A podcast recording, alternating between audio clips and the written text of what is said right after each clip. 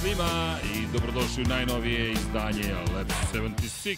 Dobrodošli u izdanje posvećeno Moto Grand Prix i dobrodošli u džunglu i dobrodošli kod Dena Potkonjaka i moje malenkosti.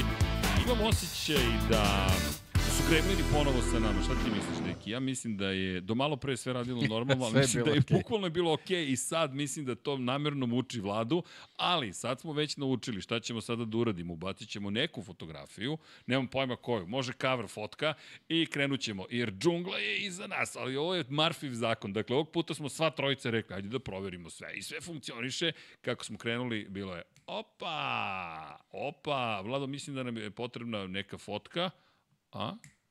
Vidi ga Vlada šta je uradio. Vlada je izveo ču... Vlado, aplauza, Vlado, molim vas, dame i gospodo, ima par stvari. Gospodina Velati je sa nama i daje nam thumbs up za zvuk. Dakle, večeras je ekipa bila mega vredna. Došli smo, uvek dođemo mnogo ranije, ali se raspričamo, naravno jer volimo da pričamo, ali smo večeras rekli ne, čekaj.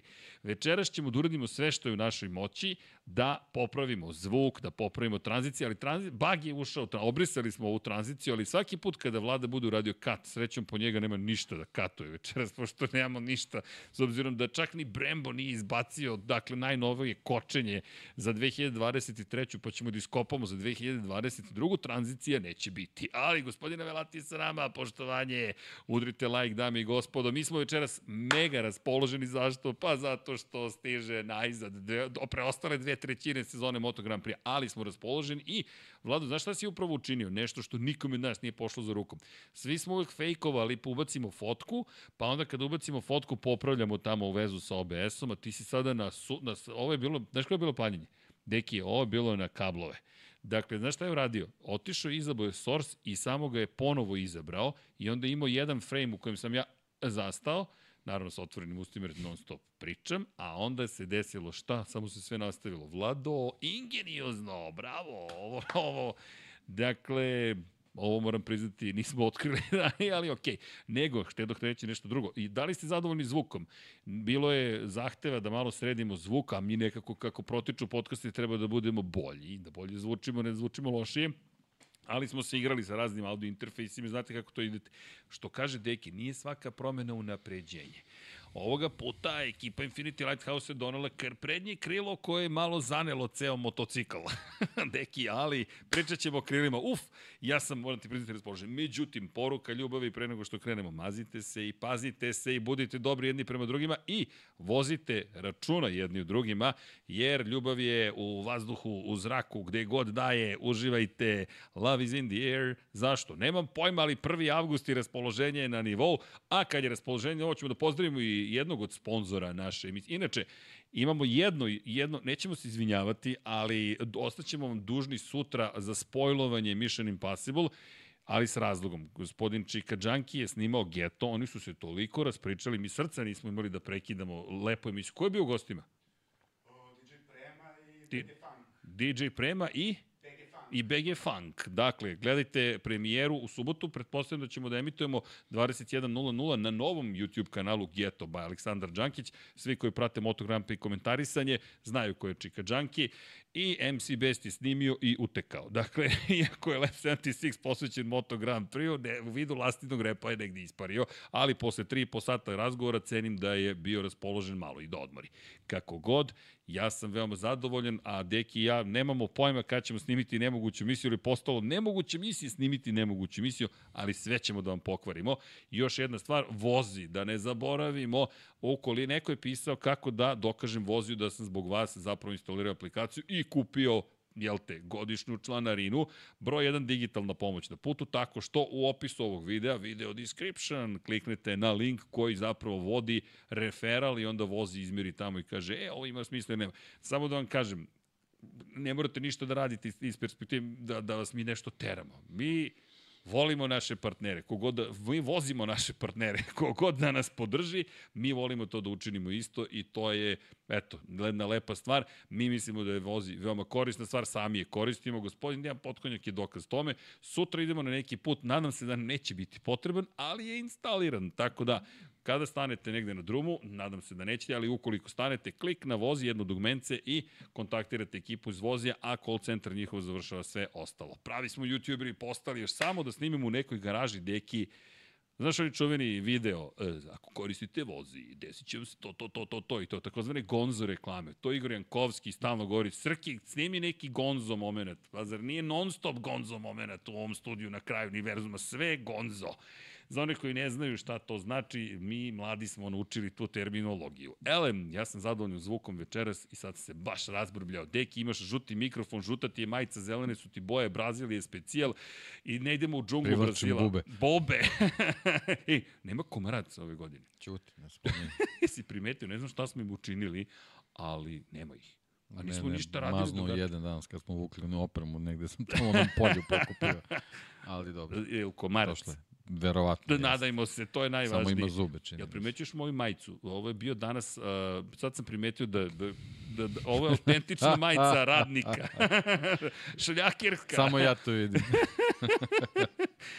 Ne znate šta smo sve radili, neka nova oprema je stigla, igrali smo se, nemojte se začuditi ku pola podcasta, budete videli ovde Jedi, e, zaista smo raspoloženi, ali pre nego što odem baš pre, pre, predaleko na mesec Endora, jel te, i povratak Jedi, imamo povratak Moto Grand Prix-a, Deki, Samo osam trka smo odvezli ove godine, 16, izvinjam se, dragi gospodine, u kraljevskoj kategoriji, osam sprint trka i osam klasičnih, a mi smo završili zvanično, bili prvi deo sezone, beše to pre gotovo pet nedelja, četiri i po nedelje, moram ti priznati da mi izgledalo i duže, sad kad je prošlo mi izgleda kraće, ali ba, pretpostavljam to psihologija ljudska, kako god, vreme je da mi odemo ponovo u džinglu. I ti si lepo, ti si zapravo Zajedno smo stvarali ovaj naslov, moram da kažem ponosno, gde, jel te, asfalt se podrazumeva, asfaltna džungla, kao predator da će se pojaviti, ali vidjet ćemo ko će biti predator. Da sumiramo utiske posle prvih osam trka, šta smo mi deki ove godine sve prošli i zašto pričamo o tome ko će sve biti u džungli, odakle da krenemo? Ajde od možda najveće promene koja se desila, ove godine smo uveli sprint trke u šampionat sveta, pričali smo prošle godine o tome, MotoGP je međutim povukao potez radikalan i rekao nećemo mi da testiramo koncepte, mi, to su prošle godine u Austriji saopštili, uvodimo za svaku trku 2023. sprint koji će se održavati subotom i trajaće pola trke glavne, dodeljivaćemo pola poena i računat će se kao Grand Prix. Onda su odustali od toga da se računa kao Grand Prix, ali su ga i dalje uveli. Imamo i promenu za Silverstone u pitanju formata kvalifikacija. Tu smo I to je najveća promjena. Francesco Banjaja je ušao u sezonu kao branilac titule, Ducati je delovao kao najnadmoćnija ekipa posle mnogo godina u šampionatu. Pitali smo se, međutim, da li Honda i Yamaha imaju uzvratni udarac, hoće li Mark Marquez u godini u kojoj je potpuno oporavljen da se vrati iz stazama stare slave, hoće li Fabio Quartararo na Yamahi da bude neki novi samuraj ili će evropljani da se ipak pojave kao glavni. KTM Aprilia, Suzuki nam je otišao, Suzuki vozači su otišli u Hondu, u Lučiće Kinal Racing Alex Rins, čovjek koji je pobeđivao na kraju prethodne sezone redom na Suzukiju i to ozbiljno, svi ovde mašemo značajno glavom, a naravno u celu tu priču Joan Mir se uključio ko otišao u Repsol Hondu pored Marka Markeza. Šta smo dobili? Šta smo dobili, Deki? Dobili smo jako zanimljivu sezonu, da, da ne bude da samo ovaj, kudimo neke formate takmičenja. Sprint je u Moto Grand Prix pokazao da, da i skraćena verzija trke može da bude izuzetno interesantan, pre svega što se vozi u potpuno drugačijem tempu nego ovaj, glavna trka. Ono što smo već, već rekli više puta, ovaj, glavni, glavni problem čitave priče je ta opterećenost vozača, koja se nažalost ogledala u povredama koje su direktan proizvod tog, tog nekog da kažem tempa kojeg do sad ni oni nisu imali. Potreban je očigledno i period navikavanja i što se toga tiče. Živ sam. Ovaj, tako da sve u svemu jako zanimljivo i ono što nam je najmanje trebalo je bila ova predugačka pauza koja se jednostavno desila iz prostog razloga što smo ostali bez jedne trke. Niko nije planirao na početku sezone da, da, da ovoliko budemo bez Moto Grand Prix, ali eto, desilo se. Eto, nekako smo ovaj, preživeli, dočekali ovaj, nastavak sezone i sad ostaje samo da, da, da vidimo uh, da li će posle ove, ove duge pauze vozači ostati u formi, to jest ko je ovaj, sposoban da, da posle duže pauze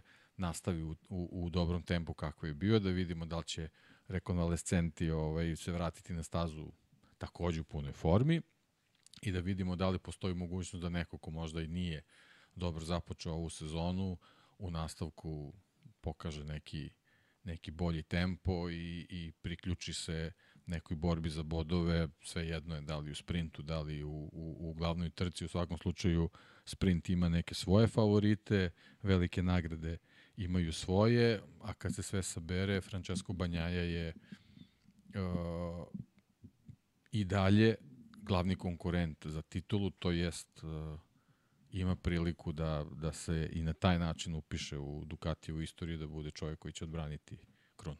Prvi u istoriji. Casey Stoner je bio prvi koji je svoju titulu 2007. Jedini narednih 15 godina do prošle sezone. Kampioni del Mondo su postali što Ducati, što Panjaja prošle godine.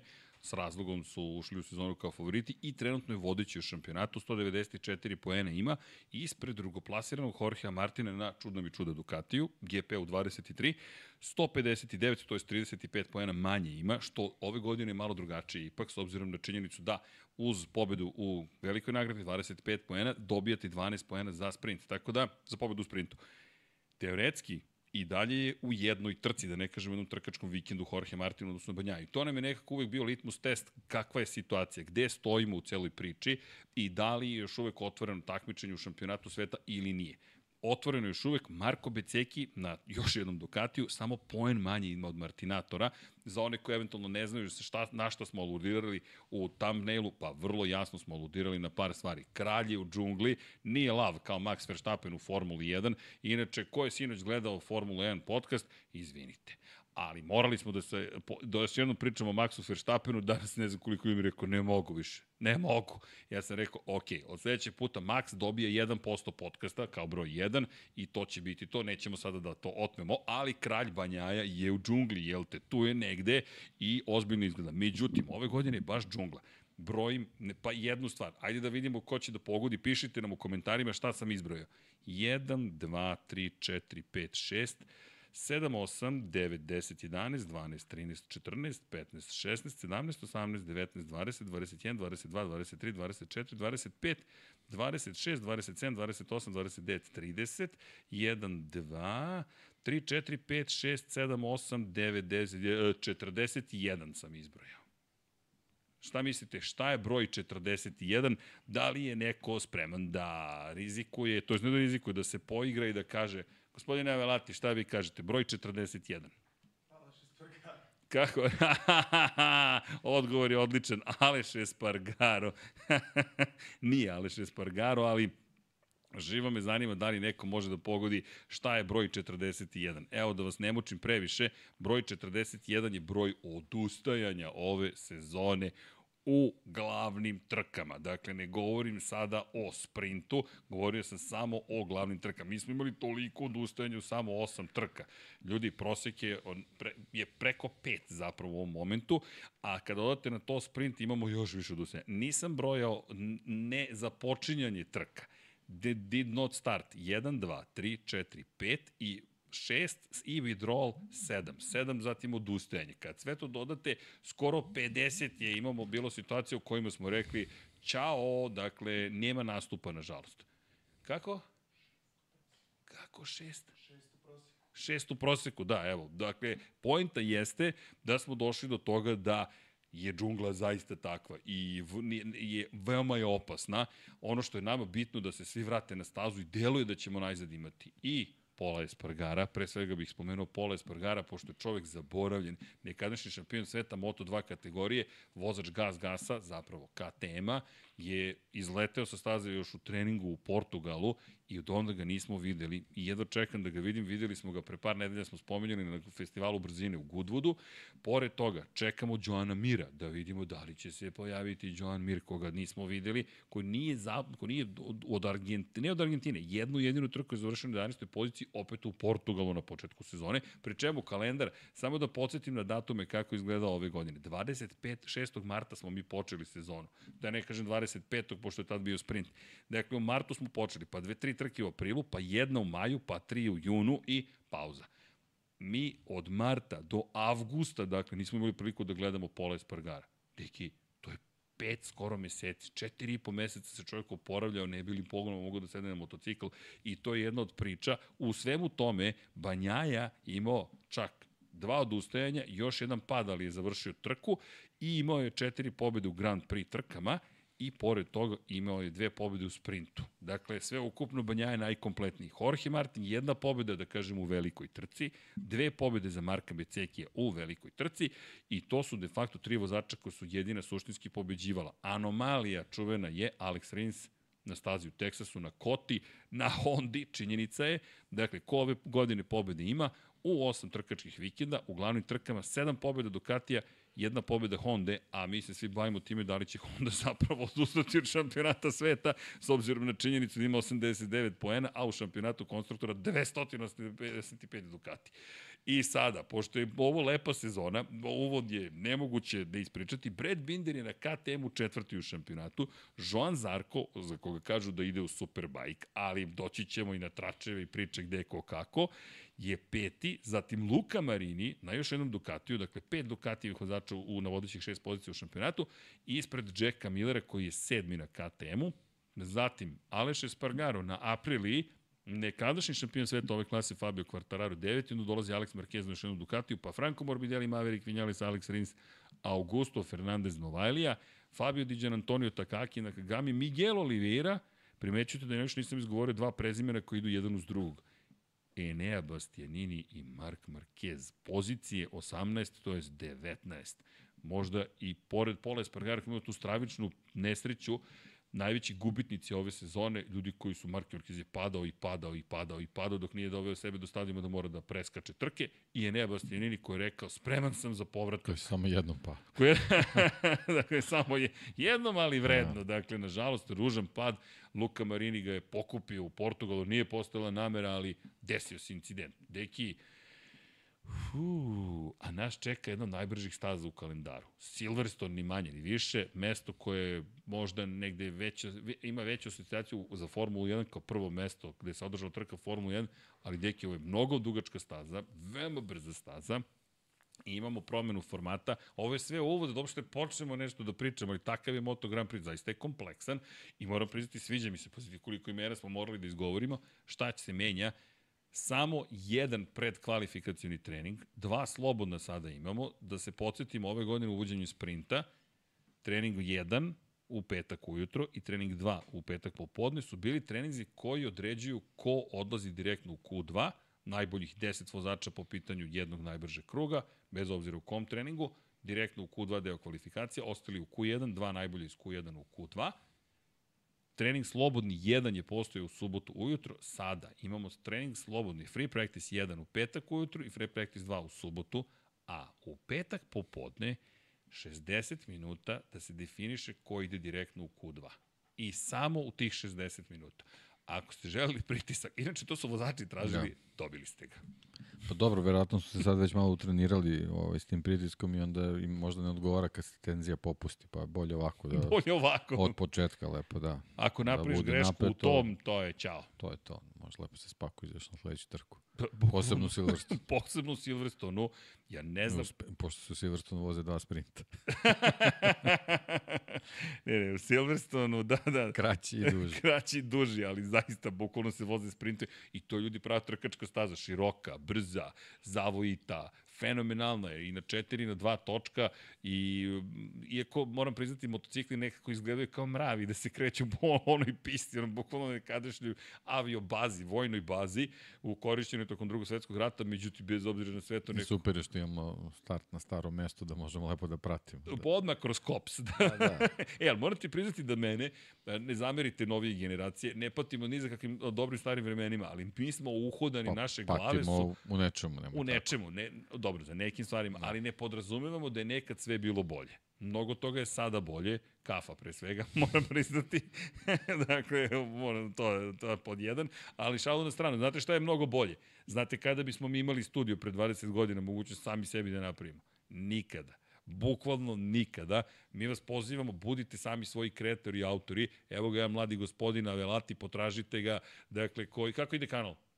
Avelati, eto vam, Avelati kanal, potražite i družite se. Jednostavno, što da ne, poslušajte šta čovjek ima da kaže, sami budite kreatori, malo mašte, mnogo truda, mnogo rada i posle 330 podcasta sredit ćete zvuk. Tako da sve, sve je u redu.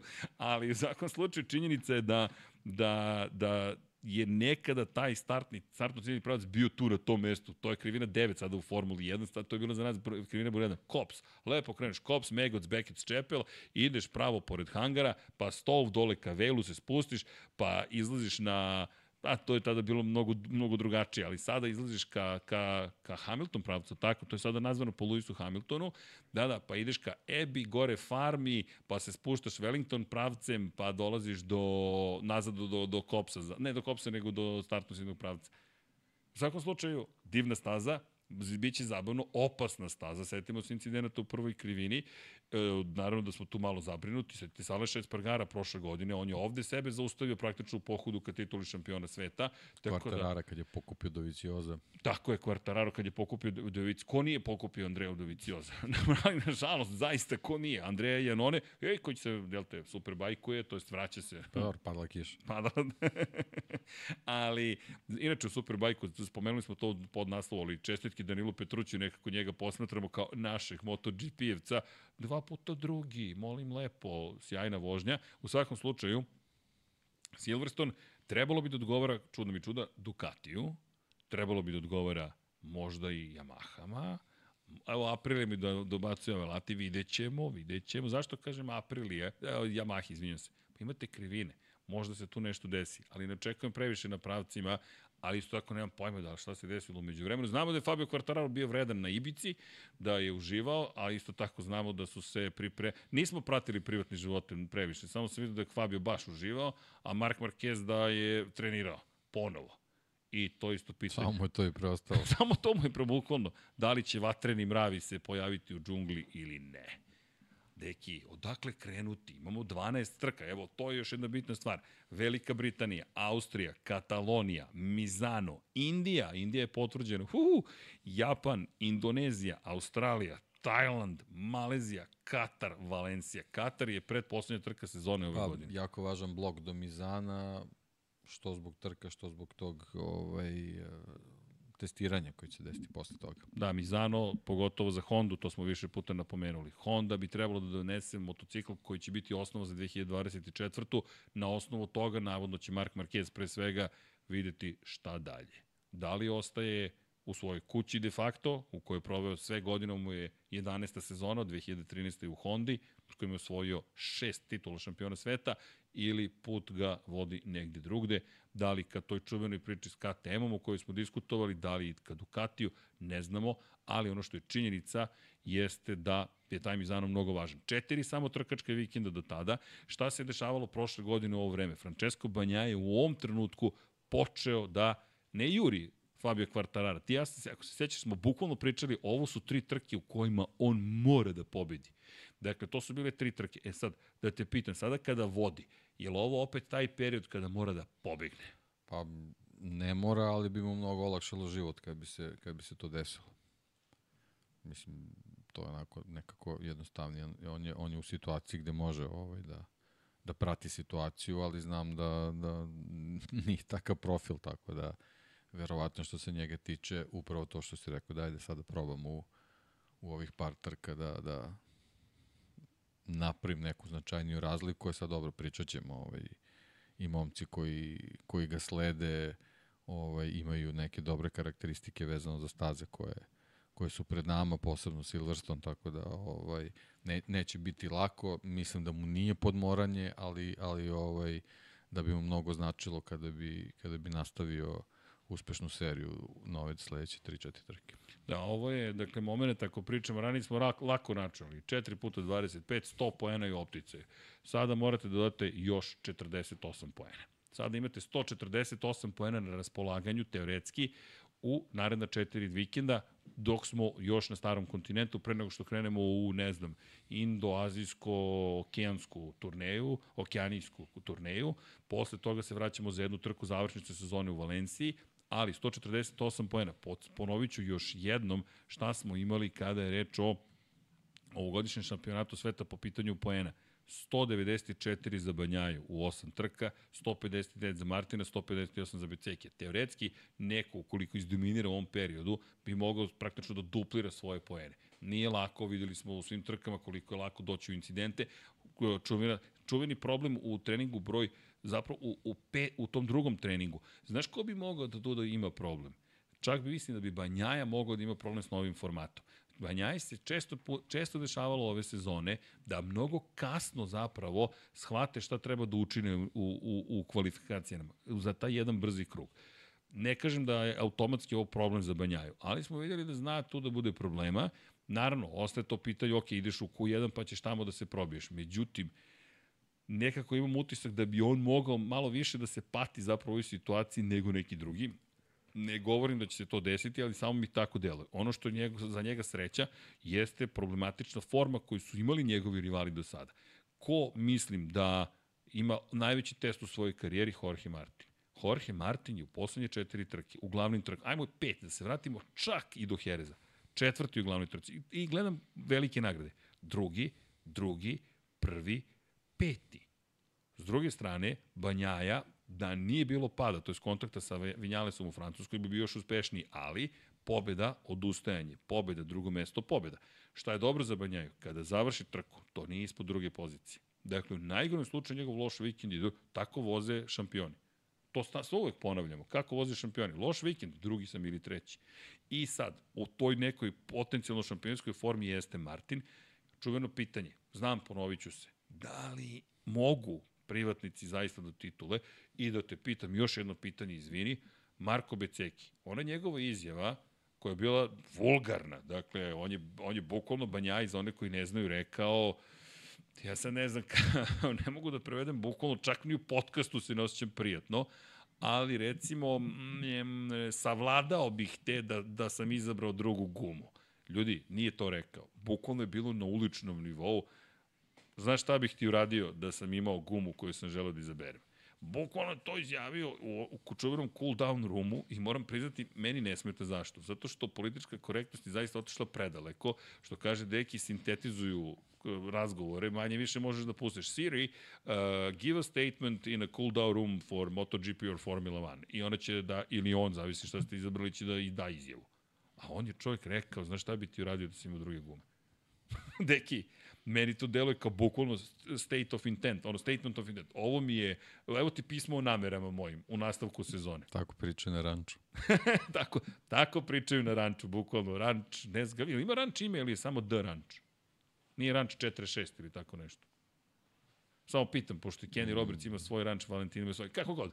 Ranč, za one koji ne znaju, čuveni kamenolom gde se trkaju jedni protiv drugih i lepo zabavljaju. Ali kako ti izgleda ta Bicekijeva izija? Meni deluje kao da Marko zaista želi da, da da, da na svaki način ba, Banjaj stavi do znanja, borit ću se za ovu titulu, bez pa, obzira na Da, ali mislim da je dosta stvari onako i svesno i nesvesno, ali, ali tu je. Tu je i, i vidi se da ono, ono što, što je i, i njegove odlike od ranije, ovaj, voli, voli te trkačke staze i, i ajde kad već, već si spomenuo i Banjaju i, i Martina i, i, i sada i Becekija. Upleo ih sve. Sva trojica imaju, imaju te neke elemente koji, koji im daju za pravo da, da razmišljaju da, da, da uspešna serija bude nastavljena u Silverstonu, ali Marko je pokazao i kroz ovo i kroz prethodne sezone da, da mu zaista leže trkačke staze. A je sad, ako nabremo trkačke, trkačke staze ne stavimo Silverstonu, to ja ne znam onda koju stazu Koju ćeš stazu da staviti. Da. A, ali ajmo, Tako koje su da... trkačke staze u nastavku sezone? Silverstone, Red Bull Ring, ja mislim da je trkačka staza. Pazi, Ne na taj način, ali, polovična, ali je, jeste, da. ali je trk, da. moraš da budeš da. hrabar. Tamo stvarno i dalje, da. uprko šikani, moraš da budeš, ima trkački element. Katalonija, to je Barcelona, to je, to je pravljeno za trkanje, bukvalno. Mizano, njegov dom, pa, ajde, da, to je i jednom i drugom, to, to se ne računa, znaš, to, to je kao dalje trkačka, da. obožavana je Indija. E sad, ne znam za Indiju šta da kažem, pa ne. Indiju smo posetili na kratko dva puta u istoriji Formule 1 I za one koji ne znaju, zaista prvi put idemo u Indiju iz perspektive Moto Grand Prix-a. Ja ne znam je li, da li je profil staze ostao isti. Stvarno nisam, nisam se bavio još je rano. Ovaj, ja koliko da znam, dakle, no, Bud je, evo, gledam konfiguraciju upravo, ne sećam se baš cele iz, iz perioda kada smo bili u Formuli 1, znam da su radili izmjene određene iz bezbednostnih razloga za, za Moto Grand Prix. Ne se da li su četvrtu krivinu menjali, ali u svakom slučaju 14 krivina, za one koji ne znaju, e, potrudit ću se da, da podelim s tobom vladu neku legalnu fotografiju Bud Circuit, jel te? I to je Mickey Mouse staza e, po pitanju toga kako je dizajnirana, ali ono što može biti tu zanimljivo, zaista ima nekih krivina koje na motoru će biti zahtevne. Pogotovo taj splet 8, 9, 10. Pa vidi, što se tiče automobilizma, Red Bull, Links, Red Bull Ring se vodi kao, Red, o, kao Mickey Mouse staza, tako da... Tako da sve je okej. Okay.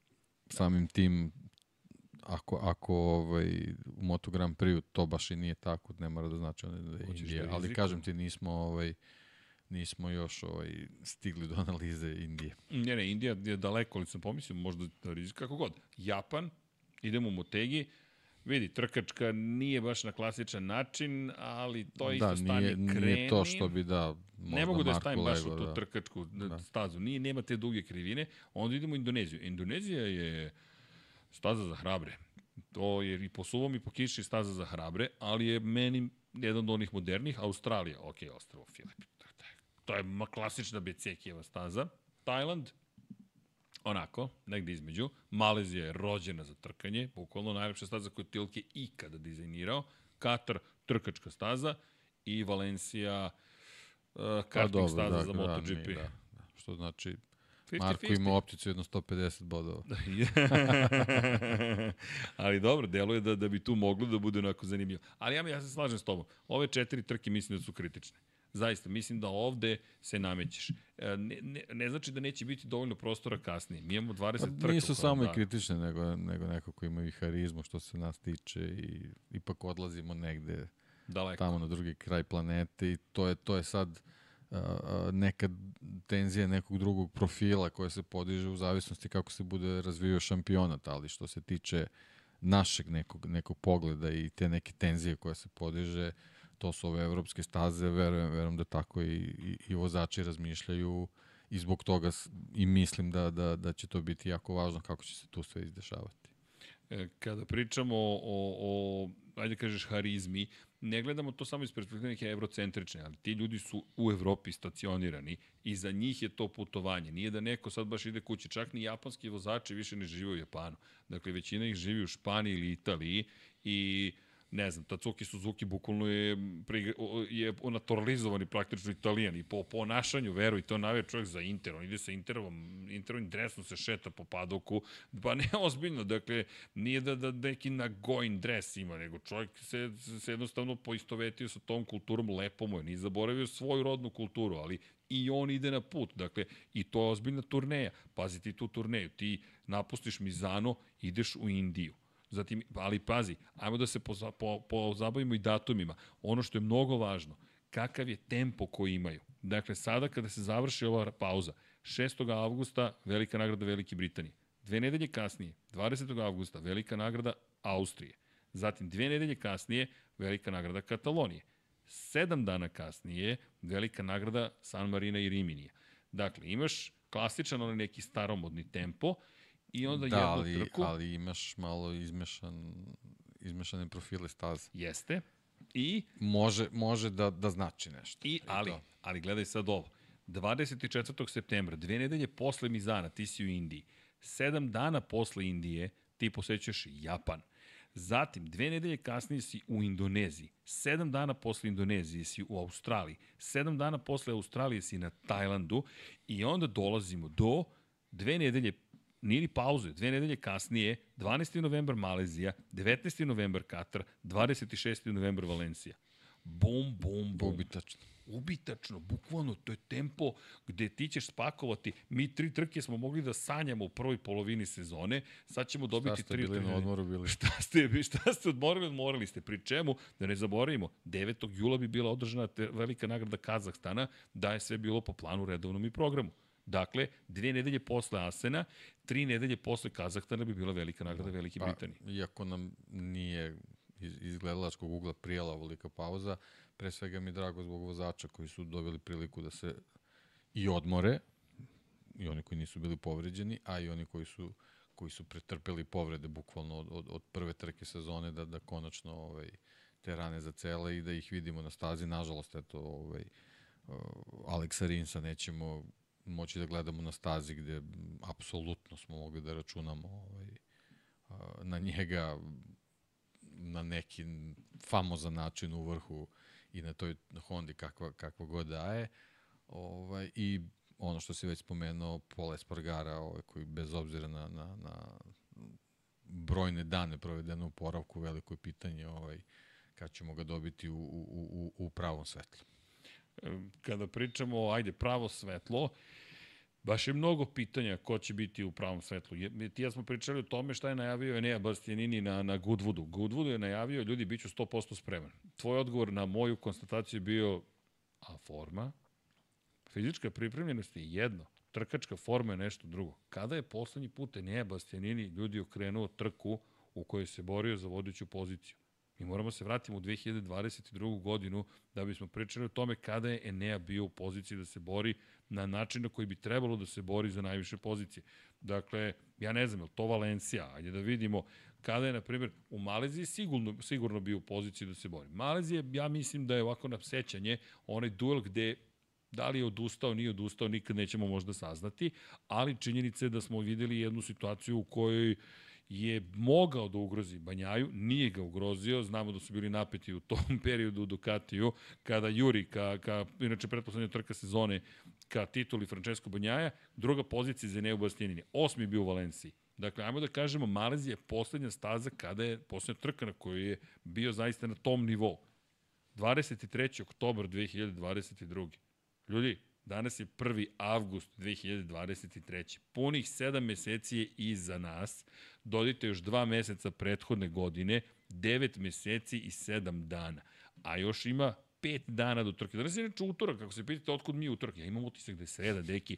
Ne, toliko dugo radimo Moto Grand Prix sredom, a Formula 1 utorkom. Ja ne mogu danas da se da prostite opasuljim. Jednostavno, meni je sve potpuno zbunjujuće. Baš se vulgaran. Već, Bu...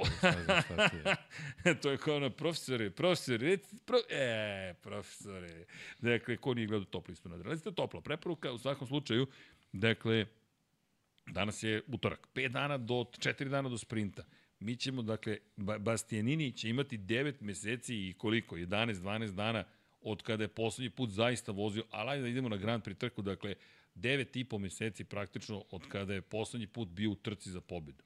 Da, i ova neka tri krnja nastupa koji su stvari više bili trening da vidi gde je, a video da, da nije Ni da nije fully fit, da. Hmm.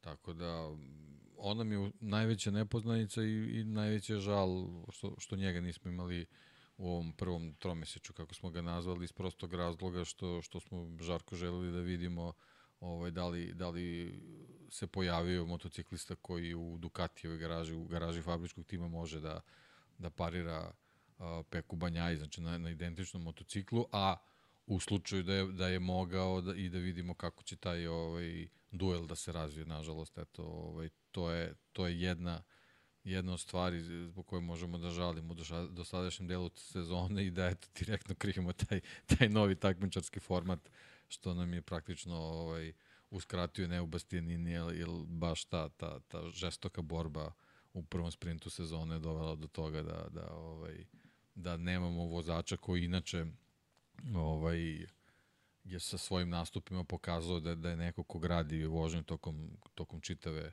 Grand Prix trke i kao takav nam je, nam je nedostaje u, u, u nekim završnicama jako zanimljivih ovaj, borbi.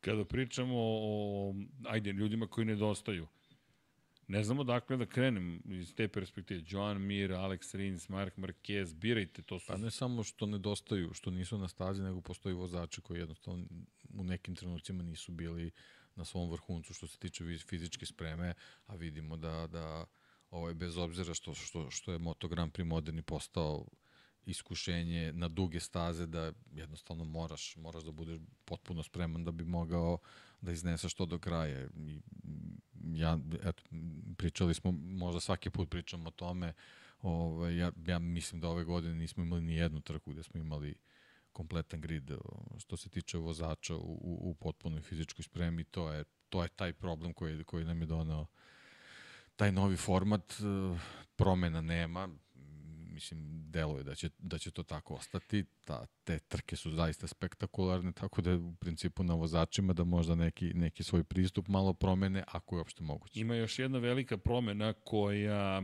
koja ne znamo da li će se desiti. I zašto smo oprezni, pa ajmo da, hajde da se vratimo malkice kroz istoriju, pritisak u gumama. Prošle godine je bilo puno priča o pritisku u gumama i o tome da timovi zapravo ne poštuju preporučeni najniži pritisak. Nije bio obavezni pritisak, pogotovo kada je reč o prednjem pneumatiku, prosto kada u modernom Moto Grand Prix preticanje postalo gotovo nemoguće. Objašnjavali smo to ukratko kada uz poboljšanje, to je nije poboljšanje, kada vi stvarate aerodinamičke elemente koji pomažu pri generisanju nizgona, to je negativnog uzgona, da, oni stvaraju i povećanje aerodinamičkog otpora, ali uz snagu motora je to nešto što se lako relativno savladava. U svakom slučaju, kada dođete u situaciju da vam je motocikl postao kao letelica, bukvalno ima toliko aerodinamičkih površina, dođete do toga da imate mnogo veću maksimalnu brzinu, uz poboljšanje kočnice imate mnogo manje, kraće kočione zone, samim tim mnogo manje prostora zapravo da nešto učinite u preticanju i kada dodate unapređenje elektronike, sisteme za spuštanje zadnjeg kraja, sisteme za sprečavanje podizanje prednjih točka, dođete do toga da ste zapravo doveli sebe u situaciju da je ogroman rizik pokušati preticanje. Povrh svega toga, pošto ne možete da preteknete, nalazite se u čak ne ni samo vrtložnom, to je prljavom vazduhu, takozvano nije on prljav, nego jednostavno iz perspektive aerodinamike, jel te, neoptimalan, suboptimalan, imate još jednu situaciju, nemate hlađenje i guma počinje da se ozbiljno zagreva. Zagrevanje dovodi do ekspanzije gasova, što dovodi do povećanja pritiska u pneumaticima. Povećanje pritiska u pneumaticima dovodi do toga da se smanjuje gazna površina. Smanjuje se gazna površina, vi imate manje mogućnosti. Još manje da zapravo kočite kasnije, a povrh svega toga smanjuje se i elastičnog tog pneumatika koji bi trebao da se spljeska prilikom negativnog ubrzanja. Sve u svemu, kada je visok pritisak u gumama, vi ste ozbiljnim problemima. Uz tu činjenicu da su timovi kršili preporučenu minimalnu jel te, visinu pritiska, došli smo do toga, to je bila velika kontroverza. Matt Oaksley, naš kolega koji je bio u ovom studiju, čovek koji je i pre, koji je pisa, preveo knjigu, ne, napisao knjigu koju smo mi preveli, sve njegove trke Valentina Rossi, možete je kupiti na shop.infinitylighthouse.com je zapravo napravio tu priču, pošto poznaje većinu mehaničara u celom padoku, gde se Ducati naljutio njega. Zašto? Ducati je prošle godine značajno smanjivao pritisak u gumama i izbegavao tu nepisanu obavezu. To je trebalo od početka sezone da postane obaveza, da bi vozači se toliko bunili, svi vozači, ne samo Ducati, da su odustali od sprovođenja toga u delu u IRTI, međunarodno udruženje, to je udruženje međunarodnih trkačkih timova, i Sada, pred Silvestrom, kažu, sada ćemo striktno sprovoditi to u delo. Pod jedan, mi nemamo predstavu da li će to zaista da učine. Pod dva, ukoliko zaista to učine, ko će tu da izgubi najviše. Imam utisak kogod ne bude prvi u kvalifikacijama da će da izgubi i da neće biti samo jedan tim, nego da će svi biti na gubitku, ali možda, deki, ajmo teoretišemo, ako svi imaju već podignut toliko taj pritisak u prednjem pneumatiku, možda će se usporiti, ne znam, možda će morati da, da promene način na koji voze. Ne znam, zaista... Da, možda ćemo i saznati da li neko igra pošteno. e, čisto sumnjam, moram ti priznati da nije Ducati bio jedini koji je imao niži pritisak od preporučenog, ali bio najekstremniji. I to je sada ogromno pitanje, s obzirom na činjenicu da je zaista brza staza, to je kontroverzni sistem koji, koji će jednostavno biti sproveden u delu, to je Dorna potvrdila. Pričali smo već o tome za 2023. godinu, pritisak u gumama za prednju gumu trebalo je da bude 1,9 bara, za zadnju gumu 1,7 bara. Dakle, to je ono što je bila preporuka. Međutim, kao što obično to biva, sve se to promenilo, sada međutim kažu da će to biti sprovedeno delo, mene zaista zanima da će to zaista biti situacija. Inače, kazne koje ćete dobijati za nepoštovanje će varirati, će biti skalirane. Dakle, što češće pravite prekršaj. Ježim se kad vidim skale. kad si, Iskreno. Ali step up popularni, step up, to ti je kao renta. Step up znači svakih malo, malo će da raste. Elem, šta to znači? Za, prvu, za prvi prekršaj dobijete šta? Da li znate, gospodo? Beli karton. Do, tako je, dobijete upozorenje. Deki, Ne, ne, ne, ne više nikad si gum, pritisak u gumama. Zatim, kazne idu sledeći, sledeći trend ide. 3 sekunde, 6 sekundi, 12 sekundi. To su kazne koje ćete dobijati za svaki sledeći prekršaj. Sad, opet kao i uvek u automotosportu, 3 sekunde. Da li ja mogu da pobegnem 3 sekunde ako namestim pritisak u gumama? Za prvu trku dobijem beli karton, što ti sam baš lepo rekao, a onda upozorenje pred isključenje, a onda dobiješ 3 sekunde. Ok, ajde pobegnem 3 sekunde i onda sam miran. Jer na sledećoj trci treba pobegnem 6 sekundi. Ajmo da pobegnemo 6 sekundi, što Banjaja bi mogao i da uradi. A, kažem, meni, meni to palo na pamet. Ono što je, međutim, najozbiljnija kazna je diskvalifikacija i to može da se desi. Ne znam, kada će stupiti na snagu diskvalifikacija, ali u svakom slučaju ovo je nešto što je bilo dosta nepopularno kod vozača i ono što je međutim bila situacija jeste da je na primjer nekolicina timova radila na tome da se prilagodi toj najavljenoj obavezi, da bi onda je bilo rečeno tim timovima, e, malo smo se šalili, tako da ovo Samo će nisam, biti. Nisam razumeo, to ćemo dobijati posle trke. Da, posle trke. A zapravo ne znam, pošto je to sistem za monitoring. Trebalo bi uživo da prate. Pa, to je. E sad, to ako je ono... uživo prate, ajde, možda nekog smisla ima, ali ako, ako budemo morali da čekamo neki, neki zeleni sto posle, to mi se apsolutno ne sviđa. I, znaš šta postoji kao dodatni problem? Aleš Espargaro je to u razgovoru sa Luisom Duncanom i istakao za motorsport.com. Rekao je da je problem za timove i za njega bio u tome što novi sistem, inače to će biti uh, unificirani sistem, dakle neće biti, bit će rađen po specifikaciji IRTE, ne po proizvođačkoj specifikaciji. Dobijali da, svaki su, proizvođač za sebe, ima tako već? Imao je svaki da, proizvođač da, da, za sebe, da. sada nema... Pa dobro, ajde da, kao... Imaš imaš jedinstvo. Ujednačeniji, da. Tako, i to je okej. Okay. Tako, da. Ajde, imaš e, taj kozani spec. Meni samo, samo me taj protokol zanima ovaj, vezan za, za tajming iznošenja kazni, da kažem ne odluka, nego kazni. Tako da, sa, samo mi je to važno.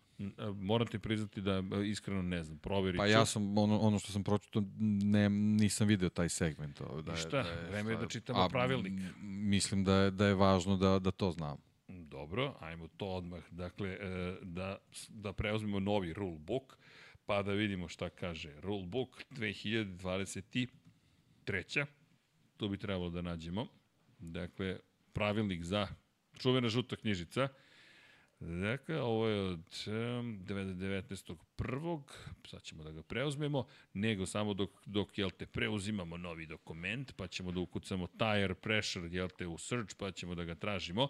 Da napomenem par stvari, a to je da je Espargaro rekao da su brojevi koji su vraćali sistemi bili različiti i da se nisu podudarali informacije koje Aprilia dobijala mereći pritisak sama u odnosu na ono što su dobijali iz sistema koji će biti zapravo implementiran. Što sad, moj utisak je sledeći. Šta, šta to, to znači? Hoćeš ti da iskoristiš da šta, zapravo ti ne možeš da kalibrišeš, ti moraš da, ti moraš da zapravo rekalibrišeš svoja podešavanja i da znaš šta će sistem koji je Dorna nametnulo da kaže da je pritisak u gumu. Pa znaš, u, u visoko sofisticiranom takmičenju kakav je Moto Grand Prix, baš me je ovaj, čudno da čujem tako nešto, znaš, da, da, da postoje velika odstupanja, ali to onda neće dovesti ni do čega osim osim da se da se sve unificira, da svi imaju identični sistemi i da pomoću njih to prati, ali ovako ćemo stvarno doći do nekih ne, ne, apsurdnih oni, situacija. Oni to rade. Samo što je tu da. problem što je pitanje da li to zaista 1,9 da, ili da, neki da. drugi pritisak. Apsolutno. Nemamo pojma. Kako god pogledate, činjenica je da to da velika promena. da, da bi svi dobijali isto očitavanje. E sad, da li je to očitavanje tačno, to je sad drugi problem. I čije je očitavanje tačno? Um, ima tu još par stvari. Dakle, ono što, što um, kada je reč o, o kvalifikacijama, dakle, želim da znam kako ovo utiče na kvalifikacije. Dakle, Da li mi u kvalifikacijama takođe možemo... Ne, ja mislim da važi samo za sprint i za veliku nagradu. Tako je. Mislim da je samo dakle, to. Dakle, koliko ja znam u kvalifikacijama to ne važi. Tako je. Samim tim, šta ti je poruka? Kvalifikuj se prvi. Spusti pritisak gde hoćeš. Kvalifikuj se prvi, to, to ti je sada zadatak. Dakle, dva zadatka imaš. U petak popodne da budeš među vodećih 10 i da nađeš brzinu koja će ti biti neophodna da, za pol A to je ono što si rekao, da, da, da se Peko i Ducati ne ne snalaze, nego jednostavno malo sporije Traži pale. Vreme. Tako je, tako je, bukvalno dok krene akcija, ali pojenta je... Pa sledeći. nema sad, bukvalno, od prvog metra moraju da, da se koncentrišu na to, jer to će zaista uh, diktirati njegov nastavak sezona, ako je tako. I kada govoriš o... I jedna, jedna i druga promjena pravila. Da. Nekako su povezane. Ispadne da su povezane. E, zanimljivo je da, da će ono što, koliko mi znamo, biti live sistem, dakle uživo, direktno će se prenositi telemetrija, telemetrija će prenositi podatke zapravo direkciji trke, ona će uživo pratiti šta se događa. Svojevremeno je pravilo bilo da ko, tokom 50% trke ima pritisak ispod dozvoljenog, on će automatski biti diskvalifikovan, ali više ne mogu ti da ti kažem baš da razumem šta će da. se kada sad Dalje, se dešavati. Misliš da li će sad biti na 100% distance ili, ili će biti neka, neki džepovi? Pa, volao bih da znam. Evo, šta, šta kažu? TPMS, to je Tire Pressure Monitoring System, je uveden, svi će morati, dakle, unificirani senzori, Teams may also, it's mandatory for each sensor identification code, ali ovo je samo... Da, ali to znaš kako, ako očitavanja nisu bile isto, to stvarno može da bude problem. Vidi, evo, da vidimo. Tehnički direktor može da proveri prilični račun, ajmo ovaj fuel pressure, da vidimo gde nam je tire pressure, kontrolni sistemi, hajde da vidimo, izvinite, ali ajde, ovo je zanimljivo sada, ne, ovo su sad pritisci neki drugi, pritisak u kočnicama. Pa, nema, nema veze, mislim, ne možeš da ulaziš u te detalje, znači ključna stvar je da će biti unificirano, Ovaj, a problem je što oni do sad nisu imali taj jedinstveni sistem, tako da će biti potrebno to prilagođavanje i sad je vezano za tu implementaciju ko će koliko ovaj, biti, biti spreman da, da se prilagodi svemu tome i da i da dobije pravo očitavanje da ne bi uopšte ulazio u rizike za, za, za ta kažnjavanje. Jer neko, neko može svesno to da radi, a neko s druge strane potpuno ovaj, slučajno da upadne, da upadne u problem ako se na vreme ne, ne prilagodi uh, nov, novim očitavanjima tih unificiranih senzora. Tako da mislim, može da bude interesantno, ali kažem, samo bih volao da, se, da to zaista dobijamo u realnom vremenu i da, i da ta komisija ovaj, eto da kažem, te, te kazne koje, koje, koje budu donosili da, da se dešavaju u pravom trenutku da bismo znali dok je trka na stazi šta se dešava. Evo, sam uđu vremenu našao pravilniku i krvni pritisak, ali dobro, vodite računa o svom krvnom pritisku, sistemu, NL April i ostale zabavne stvari. U svakom slučaju, zašto sam to spomenuo? Pa što to piše ovde da se bave i time. I mi dobijemo priliku zapravo ovde kada je reč o hajde, si, si, ne znam nija, standardizacija, standardizacija zapravo, i kažem ti, mislim da će na kraju morati da ponderuju zapravo, aha, ovo je u našem sistemu bilo x, y je u novom sistemu, dakle mi, pa da, to ti to. Samo je stvar tog prilagođavanja da, da ne upadneš u neki problem koji, mislim, stvarno može da da ti ovaj pokvari ne, ne, neke planove za, za nastavak sezona. Posebno taj, ako se budu ti, ti prekršaj ponavljati, to tih već 12 sekundi kad dođe na red, to nije uopšte Dobro, to stvarno nije. Koliko god se ja da. šalim, to je već ozbiljan, o, ozbiljan broj.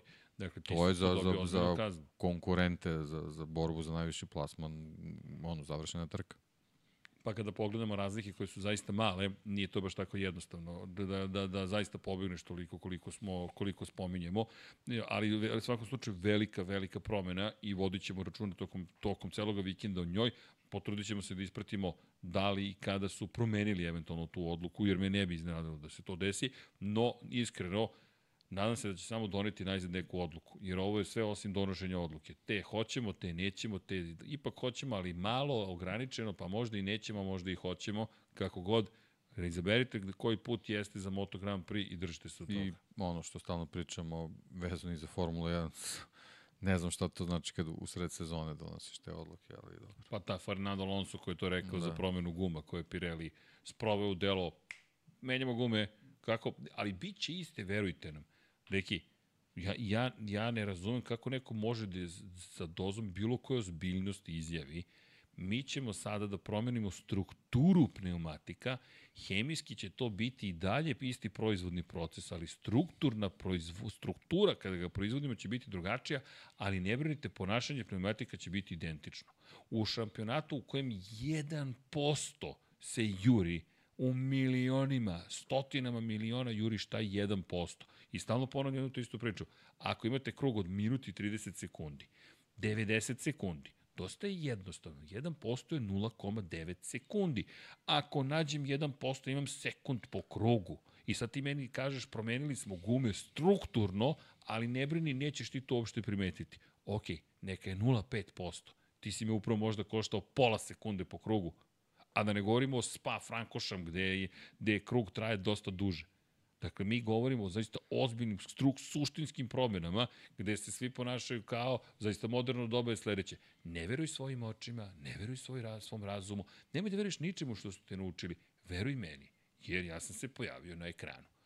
To je potpuno suludo.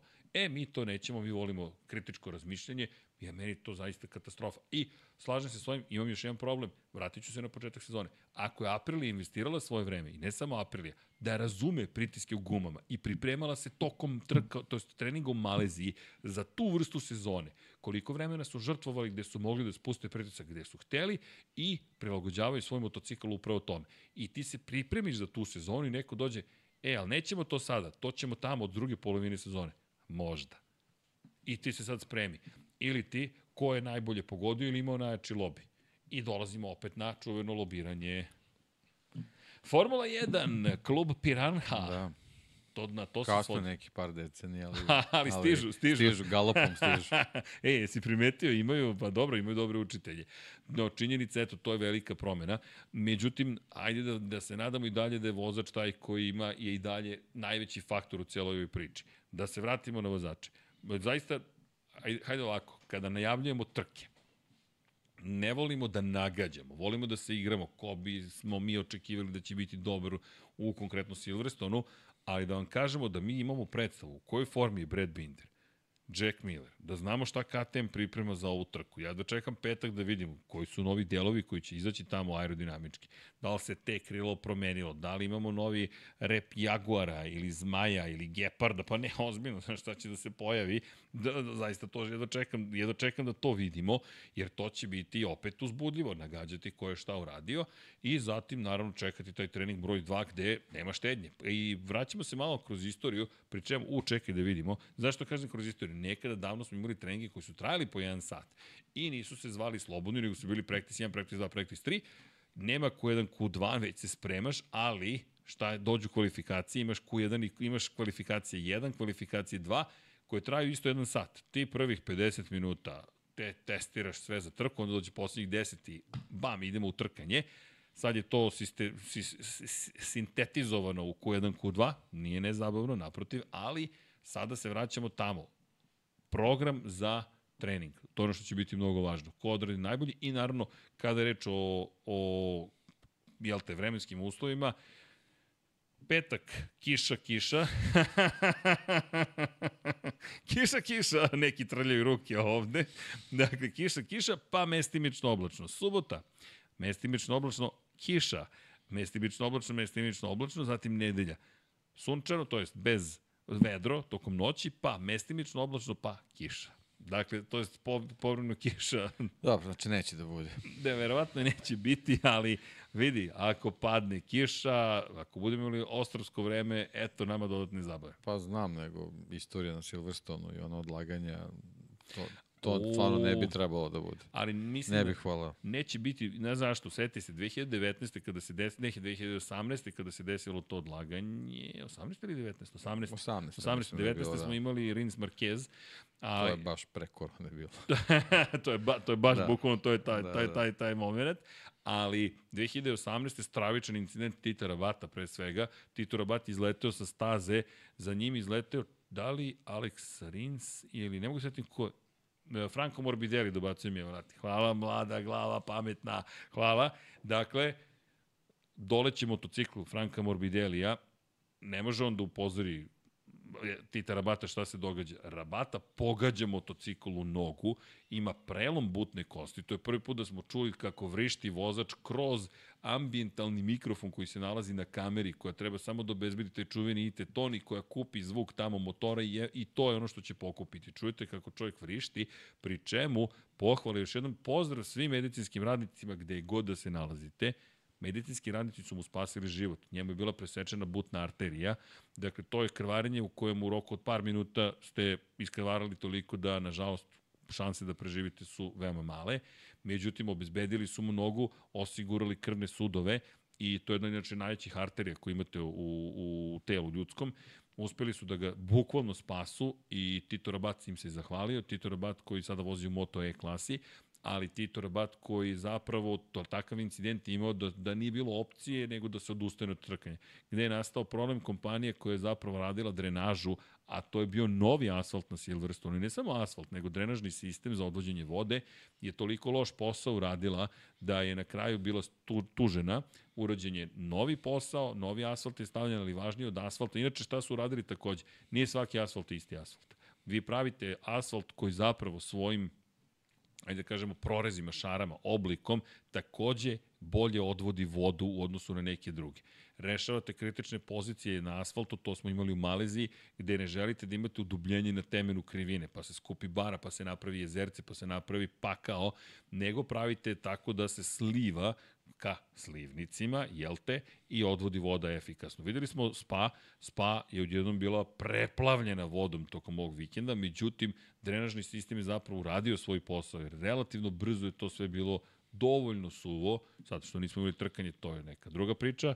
Pogledajte jučerašnji podcast o Formuli 1, ali to mislim da u Silverstonu se više neće desiti. To je samo ono što smo do sada imali prilike da vidimo, tako da deki držim palčeve da i po kiši će se voziti. Jer ako se vratimo u 2015. Silverstone je bio poprište jedan od najboljih trka Vozit će se, nemaju plave gume. e, nije, plave su im stvarno. Imaju plave i sive, to je To je žargon, žargonski. Ali nije Pirelijeva plava, to je Michelinova plava boja. to im je korporativna, znaš, to mora da radi. Tako da na, na gumama za kišu, inače tad je Valentino Rossi pobedio protiv Danilo Petrućija, legendarna trka te 2015. Mislim da to je bila četvrta pobeda te sezone Rossijeva i poslednja u toj godini, kada je zapravo napravio ozbiljan korak ka tituli broj 10 i sećam se te trke, nisam je komentarisao, znam da sam bio u Sjedinim američkim državama, poslovno, bukvalno sam morao da idem, bukvalno morao, stvari morao, imali smo poziv neki, ajde nije bitno, dakle bili smo u, u Americi, u svakom slučaju, stvari ajde da ne bude neka misterija, uh, pošto ajde, kompanija druga u kojoj, jel te, radim je Google partner i dobili smo poziv Google da odemo u Mountain View, da vidimo prvi zapravo Google search engine, da ne kažem računar. To se ne odbija. Još su rekli, mi ćemo vam pratiti prutne točkovi hotel hvala lepo, gde da potpišemo i kada da dođemo. U svakom slučaju moram ti priznati da sam bio u tom momentu, ne, kakva trka, ja ne komentarišem, pisao sam Đakiću, ljubomoran sam upravo, a pritom trka do poslednjeg momenta nemaš gde da gledaš u Americi zapravo. I onda je to bilo dovijanje, na kraju sam našao, ne znam da li Speed TV ili šta, i baš zato i pamtim, u vrlo upečatljivu tu trku i Petrući koji se lomi, sad ću da pobedim, sad ću da pobedim. Ne znam ko, koga je omeo. Krug pre kraja su naišli na nekoga koji je zaostajao ceo krug i znam da je Rossi iskusno. Samo postavio između sebe i Petrućija vozača jednog i te, te, te, čao Petrući zabeležio pobedu i da, jedna od onih inspirativnih pobjeda u Silverstonu. To je baš, baš bilo 2015. po kiši. Tako da, ko zna šta nas čeka ovoga vikenda, ali iz perspektive onoga što smo do sada videli, ja, ja ne bih otpisao Yamahu, nemam pojma zašto, ali možda zato što tražim senzaciju. Kako god, kako? Po kiši. A, uf, e, a, po kiši Yamaha. Može, e, jesu bolji, ali seti se prošle godine Tajlanda ku jeste guma i onda dođemo do, e, a pritisak u gumama po kiši? Pa, ne znam, pa, znaš, to se, to se verovatno... ni ti ni ja ne znamo. pa, da, to, to verovatno neko pravilo koje ne potpada po pa, to, realno. Pretpostavljam da, da ne bi baš bilo... Tebi pritisak donosi neke, neke vrhunske performanse ti na kiši se samo trudiš da voziš brzo, ali da ostaneš na, na motociklu. Mislim, tako da ne verujem da... Čekaj, juče smo... Ne verujem da bi... Mislim, ne, juče smo vozili da, spa po kiši. Da. na Sony, Da bi naravno. neko vozio po kiši. ali, ali da nećemo pokušavati dalje MotoGP to, to nam dođu ovi mladi drugari, jednu emisiju u kojoj će da nas uče da vozimo i ne idemo kući dok ne naučimo da vozimo. E, to će biti maratonski podcast, deki. 37 sati Lab 76. To će zaista biti maratonski. Ali dobro, idemo nazad na stazu. Na stazi, dakle, Beceki, ja mislim da Bec ovde ovako na, na osjećaj ima šta da traži i očekujem ozbiljnu jurnjavu. Ako Martin može da nastavi ovaj niz, baš mislim da će se njih trojica lepo trkati. Inače, njih trojica ove godine, nisu zajedno stajala na pobedničkom postolju. Koliko god je Banjaje bio upečatljiv, to je konzistentan i konstantan, s druge strane Martin i Beceki gore, dole, gore, dole. Tu je bilo onako uspona i padova.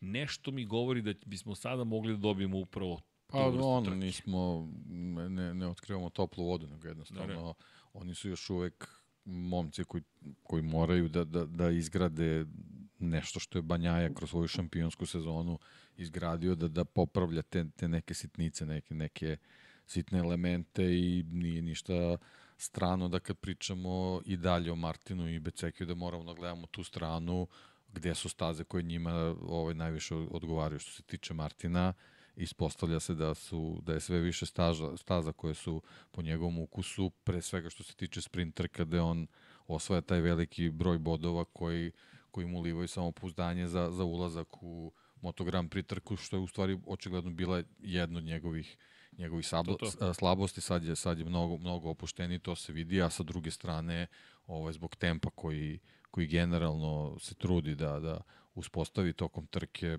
Silverstone kao, kao takva staza, ovaj, to apsolutno dozvoljava i ja kad, kad, kad pričam o Silverstone uvek volim da, da gledam da puđem paralelu sa, sa Texasom, zato što je Texas staza koja je nastala po, po ugledu na Silverstone i tu, tu ima nekih elemenata koji su koji su prilično slični kao, kao i, i, i Silverstone, međutim ove godine što se tiče Martina nismo mogli da, da ovaj, dobijemo pravu sliku ovaj, kako mu leži ta staza zbog, zbog, tog, zbog tog pada i, i, i odustajanja, ali mislim da što se tiče ovog vikenda trebamo da gledamo u, u Jorge Martina, što zbog njegovog kompletnog izdanja ove sezone, što zbog te činjenice da, da, da njemu isto leže te trkačke staze. Što se tiče Beca, to smo već, već pričali, već smo spominjali i kad pričamo o vozačima koje ova staza kojima ova staza odgovara, mislim da bi tu trebali da, da, da u tu priču ubacimo i, i Maverika Vinjalesa, bez obzira što Aprilija ove godine da, da. Nije, nije to taj, taj neki nivo, ali eto možda, možda možemo da, da očekujemo da, da Silverstone bude ta staza gde će što se tiče pre svega Aprilije malo, malo bolje da krene. A ako pričamo o Apriliji, onda trebamo i da spomenemo i Miguel Oliviru u, u sklopu tih vozača koji su koji da kažemo, ne samo što vole brze staze, nego su rekonvalescentni. Nismo ga do sad spominjali, on isto jedan vozač od koga smo dosta očekivali ove sezone zato što je zato što se nalazi na Aprili koja je prošle godine bila bila odlična i hte, hteli smo da vidimo da li, da li bi on bio taj novi Enea Bastianini u smislu vozača koji ima odličan motocikl sa podacima iz prethodne sezone. Nažalost, povrede su ga potpuno izbacile ovaj, iz koloseka. Vidim da izjavljuje da je i on apsolutno spreman, tako da eto, imamo, imamo i tu priliku da vidimo da li je, da li je ta prošlogodišnja Aprilija doprinala dobrom rezultatu Mavericka Vinjalesta ili on samo vozač kome, kome odgovara taj, Ravna taj profil staze. To si taj ti profil staze. to si ti rekao. Ja Tako ti kažem, da, ovaj, čovjek je iz ravnice. Eto, to, to je taj, ta neka lista, lista vozača, naravno uvek, uvek tu trebamo da ubacimo i Marka Markeza, ali očigledno da tu sad mora mnogo, mnogo da se radi i da bi nam u stvari taj pravi reper, da, da li je ta priča oko, oko staza i vozača koji ih vole, u stvari ovaj, morao da bude Alex Rins na, na stazi da bismo se uverili da je to zaista tako. E, kada je reč o, o hajde, očekivanjem, evo vidim, Jack Miller, e, kaže Infa, in, uh, Iran, IRR Fabricio, Srki pozdravi me u live-u. Pozdrav. Ha, ha, ha, instant. To će onaj srećni moment, kao uključio sam chat u tom trenutku, kao, jej, uplatite loto sada. Inače... Čekaj, čekaj, samo kad, se, kad je reč o pozdravima, da ne, ne zaboravim, Vam Blisapa, pozdrav drugari, Leni je žao što si ne zaspalo u studiju, gleda vas sada i maše vam. Da, pokušao sam, inače, Ćao. pokušao sam malo pre da pošaljem da, celu poruku i onda srce. I svaki put mi obriše sve ostalo, samo ide, samo ide srce. Srki, pozdravi me u live-u, Branislav Dević. A, Branislave, raspoloženje je večeras na ozbiljnom nivou. Ljudi, kliknite like, kliknite share, kliknite subscribe instalirajte Vozi aplikaciju. Zašto? Zato što su nam to partneri i ljudi koji nas podržavaju, a mi volimo sve koji nas podržavaju. Šalim se, mi volimo generalno ljude, tako da nije ni bitno da nas podržavaju ili ne. Mi u svakom slučaju smo zadovoljni što ste vi tu pre svega, to je najvažnije, ali da ispoštujemo i naše sponzore, mada vlada je odmah kliknuo join subscribe. Dakle, kod vlade samo in-house promocija ili ti shop.infinitylighthouse.com, patreon.com kroz Infinity Lighthouse. Ljudi, hvala vam. Hva, e, ja moram da iskoristim priliku, zaista. Mnogo sam srećan. E, ne znamo baš e, kako da vam se uopšte ni zahvalimo i da konstatujemo. I znam, neko mi je rekao, znate što, ajdemo ka profesionalizmu, nema potrebe se izvinjavate, zahvaljujete. Znate šta? Ja ću da se izvinjam i zahvaljujem zato što sam to ja. To sam prosto ja i ne Evo bih... ja sam svedok. ali bukvalno, dakle, neki zaista je to tako i od početka vam mi dajemo sebe. To je i i najskuplji što mi možemo da vam damo. Nema, nema, ne, mi ne, izmi, ne, ne, ne, nismo se bavili, e, znaš šta bih mogao da izjavim u podcastu, ja se stvarno ne sećam, mi to kad pokušamo da uradimo, nama to toliko deluje dosadno i bez veze da mi to na kraju ne uradimo, jer šala je prošla. Šala je u tom datom trenutku nekako kad inspirisan to, i to je, zato mi ne, ne pripremamo polovinu, stvar ne polovinu, ništa ne pripremamo, jer nije prirodno. Elem, šta hoću da kažem, hvala vam. Hvala za svu podršku, za svaki like, za svaki subscribe, za svako gledanje. Zaista su neki neverovatni, ajde da ih nazovemo rezultati. Nismo nesvesni, ali isto tako hoćemo samo da kažemo da je mnogo lep osjećaj. I to na ljudskom nekom nivou hoćemo da vam da podelimo s vama. Nemamo neko objašnjenje, nećemo ni da ga analiziramo, mi ćemo dalje da se bavimo motogram prim Formulom 1. Ponekad ćemo biti bolji, ponekad loši, ali generalno to smo što smo od tog datoga dana i to je to. Kao što možete vidjeti, i napravit ću znojava majica grafikon. Dakle, ne mogu da verujem da je sve ovo izbilo ovako, ali dobro. To vam je... izgleda ona litvanska, znaš. ona, znaš, kao, imam ne, ne, kemo. Psihodelija imam, neka. Ne, aha, ovo, ovo je znojeva psihodelija. Vidi, ozbiljni smo danas radili, dakle, i po, i po, samo se vi šalite, ali, ali nova oprema je stigla, inače ugasila nam se rasvetar, smo ostavili na bateriji. Malo pre se ugasilo, jer nismo stavili na struju. Ne veze, formatira se. Nije bitno. Čekaj, ali Vlado, gde nam je ona druga? Uh, nema, ta, tamo, ne, ona je prva, a gde je druga? A gde je prva? A gde je druga? Obe su tamo. Obe su, obe su, tamo. Obe su tamo i obe su ugašene. Aha, ovo, zvuča kao gluvih telefona. Gde je prva tamo, a gde je druga tamo, gde je prva tamo, a gde je druga tamo, gde je prva tamo, a gde je druga tamo. Ok, dakle, obe su ugašene i sad nećemo moći da budemo Jedi. Ne, sad, nekom drugom prilikom. Kako god, znaš, do, neka nova rasveta je stigla. Elem, hvala vam, to je poruka cele priče. E, sad, da vidimo ko je još ovo e, rekao, da pozdravim kako se kiša najavlja, gledat ćemo opet Mercedesov kamion ko 2020. Mercedesov kamion? Mercedes, sad sam se zbunio. Hvala, brate, pozdrav iz Sarajeva. Pozdrav za Sarajevo. Evo, pozdrav za vas od nas. Ne, pozdrav. Ne. Ja vas pozdravim, ali Miri, Miller i Kiša, kaže Renato Žgela. po Miller, Binder, Miller. Oliveira, ima tu kandidata za Kišu. Hamilton u Ferrari ovdje dobacuju. to, nego? Kamion za drenažu. A kamion za drenažu, a, okej. Okay. Uh, Miller i Kiša, da, zašto da ne? Da. Zašto da ne? Miller, Binder, Oliveira. Ima vozača koji su koji volite. Evo, dobacuju ovde Marquez. ne, ljudi, ali ajde ovako, upravo smo nabrali pet vozača, šta vam, možemo da nabrojimo i Fabio Kvartarara, koji setite se prošle godine u Indoneziji, vozio trku svog života po kiši, da bi na Tajlandu izgledao kao da nikada nije seo na motocikl sa gumama za kišu. Ali tad su pogrešili u pritisku u gumama, generalno podešavanju motocikla, tako da, ali tu dolazimo opet do ove priče. Tu su nijanse zaista neverovatne. I, i sad, od koga očekivati pobedu? Nemam pojma. Što ne bi mogao, pazi, Banjaja nije bio loš u Argentini po kiši do momenta kada je pao napravio grešku. Znam, ok, pao je, fa, fakat pao je, ali je bio brz. A dobro, nismo još analizirali World Superbike, tek ćemo doći do toga, nemojte ništa da brinete. I ti si juče bio super dok nisi završio zidu. Isto, super si Završio bio. sam u Niku De Vrisu. Yeah. Ali sam stigo Botasa i pretekao sam Botasa i, i uništio sam u bolid i ostao kvalis klasifikovan ispred njega. Tako da nisam bio poslednji u trci. Ko nije gledao, gledajte, možda to je najbolji trenutak koji smo imali prvo juče, zato što se Deki zablja. Nije, poslušajte Sofie Flash. Elem, mora nam Deki objasniti pad Topraka koji je dosta čudan bio i njegovo fenomenalno kočenje do tada. Pa hoćemo prvo dvojke, trojke. Da, ne, pa... sve ćemo, ne, ne, doći ćemo, nemojte ništa da brinete, doći ćemo i do Superbajka. Da, Balša Brajević, ba, bešte se vrata, vra, vrata, vraća se, zalupiće nekom vrata. Srki kaže, lep kišni dan za Peka Banjaju u prenosu. Čujte, mi smo to probali, ne radi. Ma, na maksu Ne smo to na silu. Ne, ne može to na silu. To je, ne, ne, taj, taj... To prirodno kad dođe, onda se čuvajte. Ovako kad najavljujete, nema Ej, toga da li da ništa. napravim majicu Lep sunčan dan za Leclerc u Barceloni? To mora da Pa se ne, napravi. samo lep sunčan dan. Lep sunčan- To je najpozitivnije moguće majice. Ali ne, ali ja zaista ne sjećam da sam ikad imao takav trenutak, pored svih momenta kalete, vi komentatorskih, da se njemu ugasi motor 0,2 sekunde posle te izjave. Ali bukvalno, ne, ne, te ne znam da se vlada znao taj prenos prošle godine u Španiji, izjavljujem, vodi Lecler, upečatljivo, lep sunčan dan za Lecler u Barceloni. Kako sam završio rečenicu, kao da je neko kliknuo transition i čuješ tum, kako otkazuje turbo kod Leclerca. I gledam i ovako gledam i Pajako me pogleda, da li si morao to da kažeš? Bukvalno je pogled bio kao sad za sprint. E, jao. I tako dalje. E, Elem, gde, gde je Dom Pablo? E, to je, to je dobro pitanje, da li, nadam se da ćemo saznati i mi. Srki, ili si prokljubani biser koji si otkrio Emilio Bastianini? Ne sjećam se da sam izjavio. Ko zna šta sam odgovario. Najbolji komentar na Twitteru nedelje nećemo čuti holandsku himnu.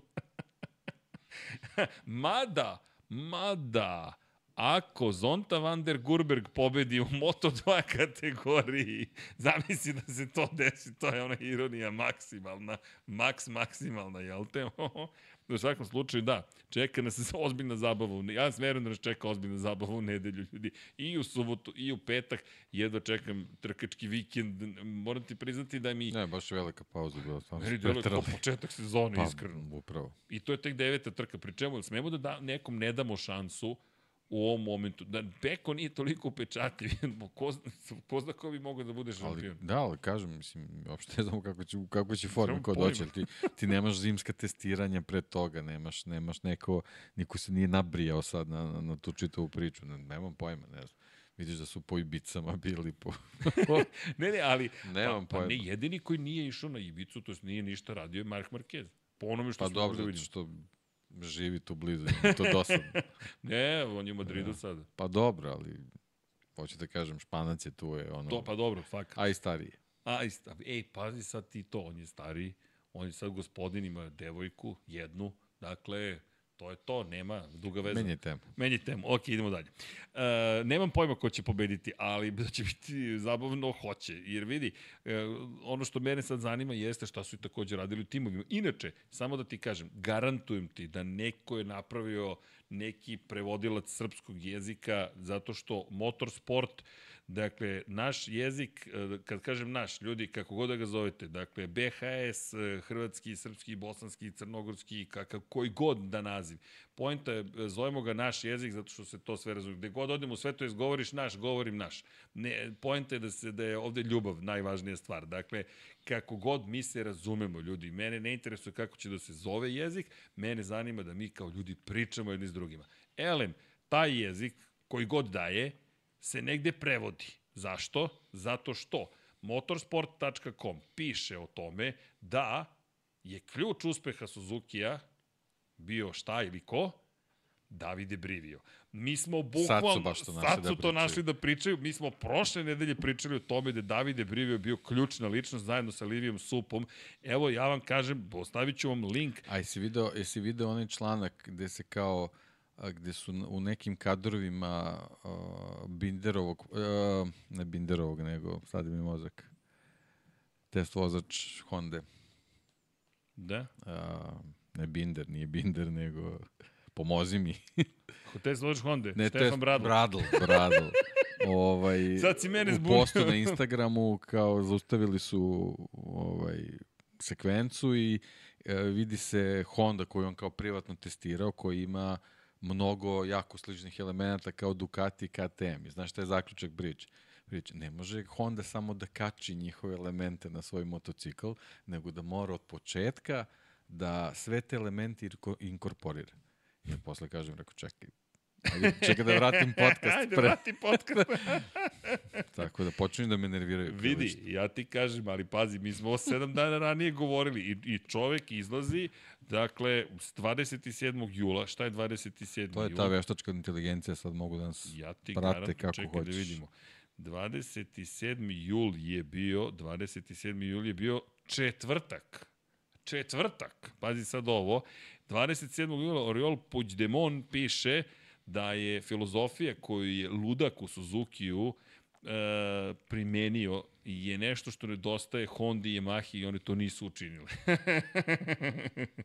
Inače, da, Davide Brivije tako su opisali. Za oni koji ne zna, Davide Brivije je trenutno u Formula 1. Inače, videli smo ga. E, ljudi, ukoliko niste gledali uh, podcast Formula 1, videli smo Davida Brivija u Belgiji. Šta to znači?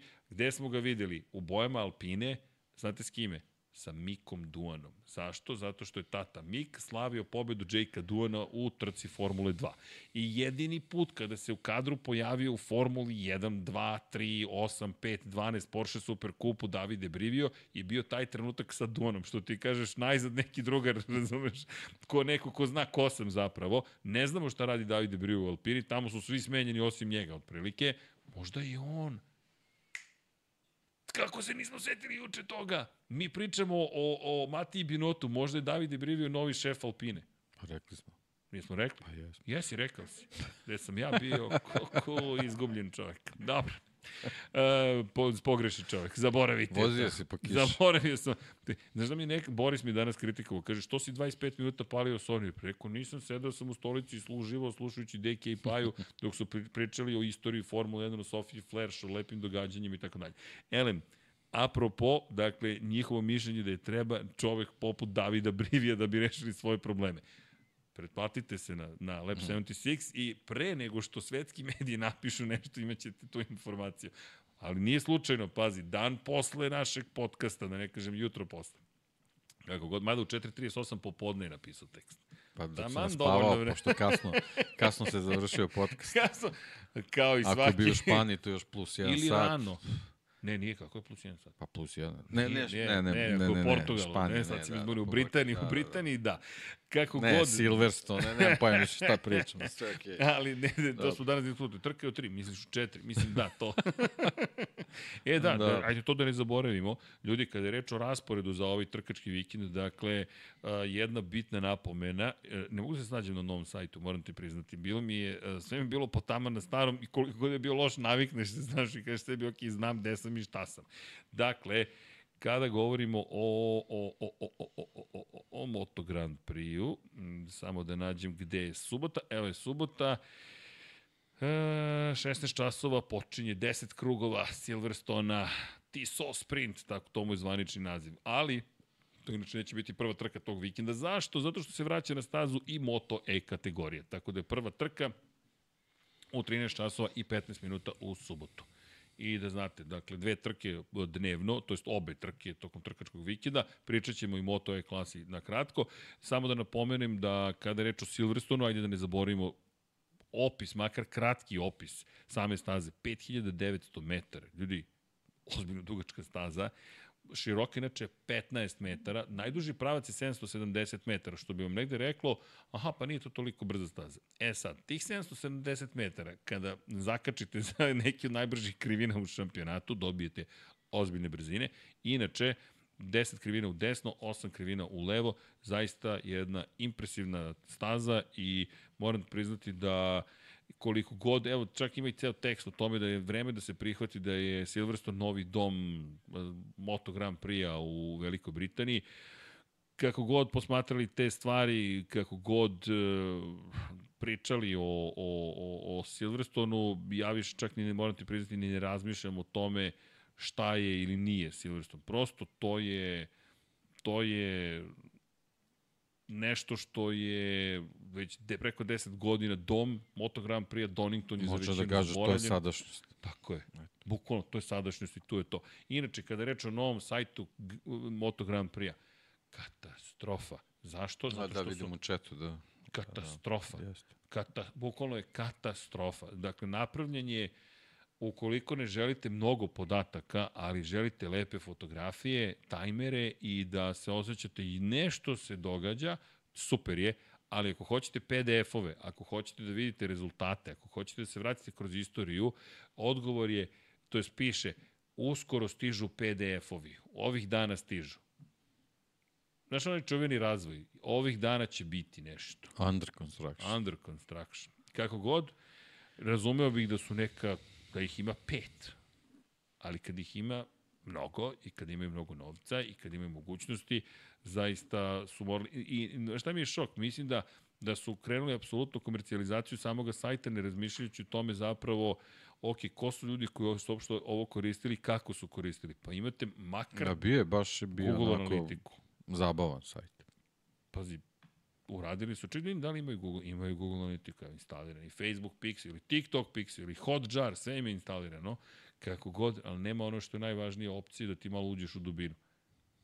Ajmo da se sad vratimo u 2003. da vidimo najbolje krugove po, po. Ne možeš više to da uradiš. To blago informacije je nestalo. Bojim se da, nažalost, ide, idu modernizaciju, što ti podrazumeva. E, hoćeš podatke, to je to ćeš da Ako vidiš Formula što... 1 ne daje PDF-ove, što bismo mi? Što? Pa, bukvalno. Što bismo mi bili drugo, ispred ne, nekoga ili nečega? Ne, ne, baš su ga osakatili, ali ajde držimo palče da će se to nekim čudom vratiti. Ako se ne vrati, pa šta da vam kažem? Bilo je zabavno dok je trajalo. Hmm. Sećat ćemo se tog sajta. Čak mi onaj prethodni sajt koji je bio krš, bukvalno bio funkcionalan. Jeste. Ok, kliknem ovde, znam šta ću dobiti, znam No, je nema bio jednostavan, lako, si, se- lako se nalazilo sve. Ali sad imaš lepe slike. E, kada smo kod lepih slika, kakav si u fantaziju? Ja, ja nisam zamenio čoveče, vozalje, nemam pojma ko mi je. Kakav si u fantaziju? Au, A, o, pa ne, kod mene uvek isto priča. Kod Dekija je uvek isto priča. Posle prve trke uvek isto priča. Ne F1. No, E, no, samo da znaš, javila mi se Šejla danas, šije me... Jao. Ja ne, ček, šta sam. I to bez korišćenja bilo kakvih dodataka. Šela, kad završnicu bude imala veličanstvenu, ja, patit ćemo.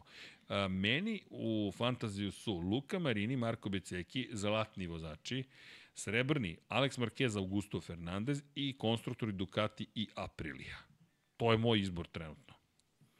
Da ima konstruktori Ducati, dobro. O, pa dobro, pa ne, sad ne moram da diram. Ne moraš, ja Samo- sam na samo zašto mi se ne 461. poziciji. Ja imam Banjaju, Oliveiru, Vinjalesa, Raula, Ducati i VR46.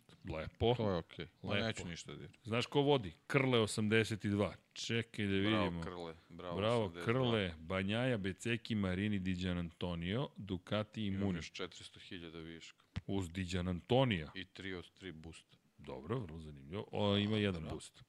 A Dovla je na poziciji 2, Banjaja, Beceki, Martin Marquez, Ducati Muni. Da vidimo, Jug Bogdan drugi, ima Banjaja, Beceki, Marquez, Martin, Ducati Muni. Svi su Ducati Muni kombinacije. 474. sam. 200 pozicija sam pao zato što sam zaboravio da promenim. Koji si 400? 474. Ja sam 461.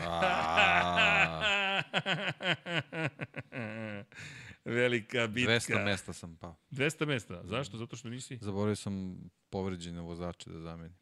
Mm. To je baš... Da. Šteta. Imao sam Oliveiru i mislim da mali Raul nije vozio i to je to bilo. Ali to je već bilo davno, sad sam već zaboravio. E, šta da ti kažem, deki, ali baš mi je žao, stvarno. Zato što je le, O, lepo je ove Pa godine. ne, dobro, nema veze. Okej. Slušaj ovo, Vladar GP tim, Banjaja Martin, Marini, Alex Marquez, Ducati i Gresini, mala promena. Ali imam osjećaj da ovo ide Ducati sigurica poeni, a onda drugi tim ti je ili omiljeni tim, ili, ok, da vidimo koga ćemo. Većini je Muniver 46, šta, jeftin je, a donosi poene. Pa da, eto, ima i to logike. Ali, ajde da vidimo. Ada, Međica, Ver 46. Ok. Šta mislite, koji drugi tim koji su izabrali u Adi, Međici, Ver 46? Naravno Muni, Ducati, ali zlatni vozači Banjaja Martin, Marini Vinjales su srebrni. Ovo je tvoja škola. Škoda Fabio Banjaja Beceki, Martin Alex Marquez, Ducati Muni. Vidi koliko ljudi veruju Aleksa Marqueza ali mislim da on podbacio još uvek. A, a, ali tu bi isto, e, mogo bi da bude zanimljiv Alex Marquez. Pa, zanimljiv bi je da od početka, samo što je to malo, malo Mora da sreće, kompletira. malo njegovih grešaka i nije tu gde bi trebao da bude. Da, izvini, uh, mora, izvršit ću primopredaju crnih šolja. Black je, Black je, zašto? Pa sada ćete vidjeti, o, da dam Dekiju, evo Deki, izvoli, a, da, da pokušamo ovako, sad će da nestanu iz kadra. I to je to. Zašto? Popio sam svu vodu, hidriram se. Znaš kada nismo izgovorili hidrirajte se ljudi? Nisi. Nisam, a Deki treba da se hidriramo. Hidrirati. Deki sad ima kriglu, čovek se opremio kako dolikuje pošteno. Elem, Fabio Di Gianantonio, Martin Beceki Banja kod Evil Edija.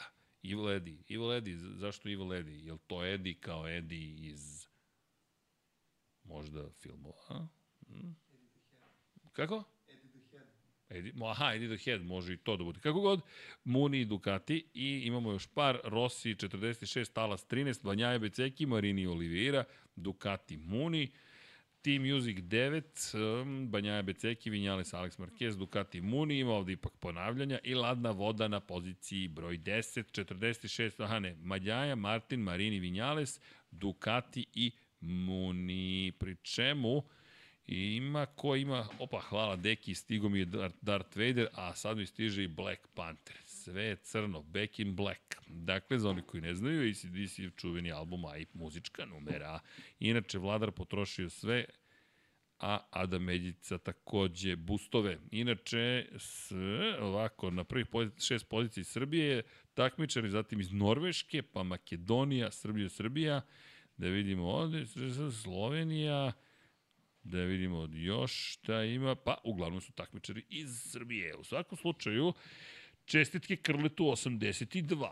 Dakle, bravo Krle, da vidimo da li ćeš se održati na poziciji broj 1. Ukupno poena 1326,25. Pa da ne zaboravimo i naše takmičenje. Do kvalifikacije možete da se uskoči u ligu. Imate link u opisu kao, pokazujem sada, u opisu videa imate link i odete tamo kliknete prvo voz, instalirate aplikaciju, onda, e da, i nemojte da zaboravite, u bioskop poziv zato što, ali ja mislim da ćete tek posle spoilera otići da gledate film, da će to da bude onaj kickstart, da će nas zvati starama, to šta se desilo? Pa zato što smo pokvarili svima film i sad mogu s uživanjem da odu da ga gledaju. Zapravo ćemo ga popraviti. Elem, e, da, da, da, da, da zaključimo temu Moto Grand Prix-a, moram da spomenem Marka Markeza kao veliku temu o kojoj ne znam šta bih rekao poslednje dve trke je preskočio, nije ih započeo, u Nemačkoj je pao, stravičan pad, udarac u glavu je dobio. Prve scene koje smo ikada videli Marka Markeza gde deluje kao da je odustao, na kraju je i odustao, odustao je od trke u Holandiji, trenutno nije završio ni jednu veliku nagradu ove sezone, ili ih nije započeo uopšte, samo je završio tri trke u sprintu, ukupno 15 poena u prvih 8 trka sezone. Dakle, govorimo o čoveku koji ima 85 pobjeda, 8 titula šampiona sveta, 6 u najjačoj kategoriji, najtrofejniji vozač trenutno na stazi, čovek koji pokušava da svoju karijeru oživi, čovek koji pokušava da ostani dalje sa Hondom i dobrim odnosima i na stazi nekih uspeha, sada su to već zaboravljeni uspesi, ali su i dalje uspesi, i čovek koji dolazi polako li sigurno u situaciju da čak i njegovi, ne, neću reći navijači, najveći poštovalci, neki od najvećih navijača Valentina Rosija su veliki poštovalci, ne navijaju za Markeza, ali kažu kao motociklisti poštujem šta radi, su došli do stadijuma Srki, zaista mislimo da je vreme da se penzioniše. Zašto? Deluje kao da jednostavno će na kraju sebe zaista ozbiljno da ugrozi.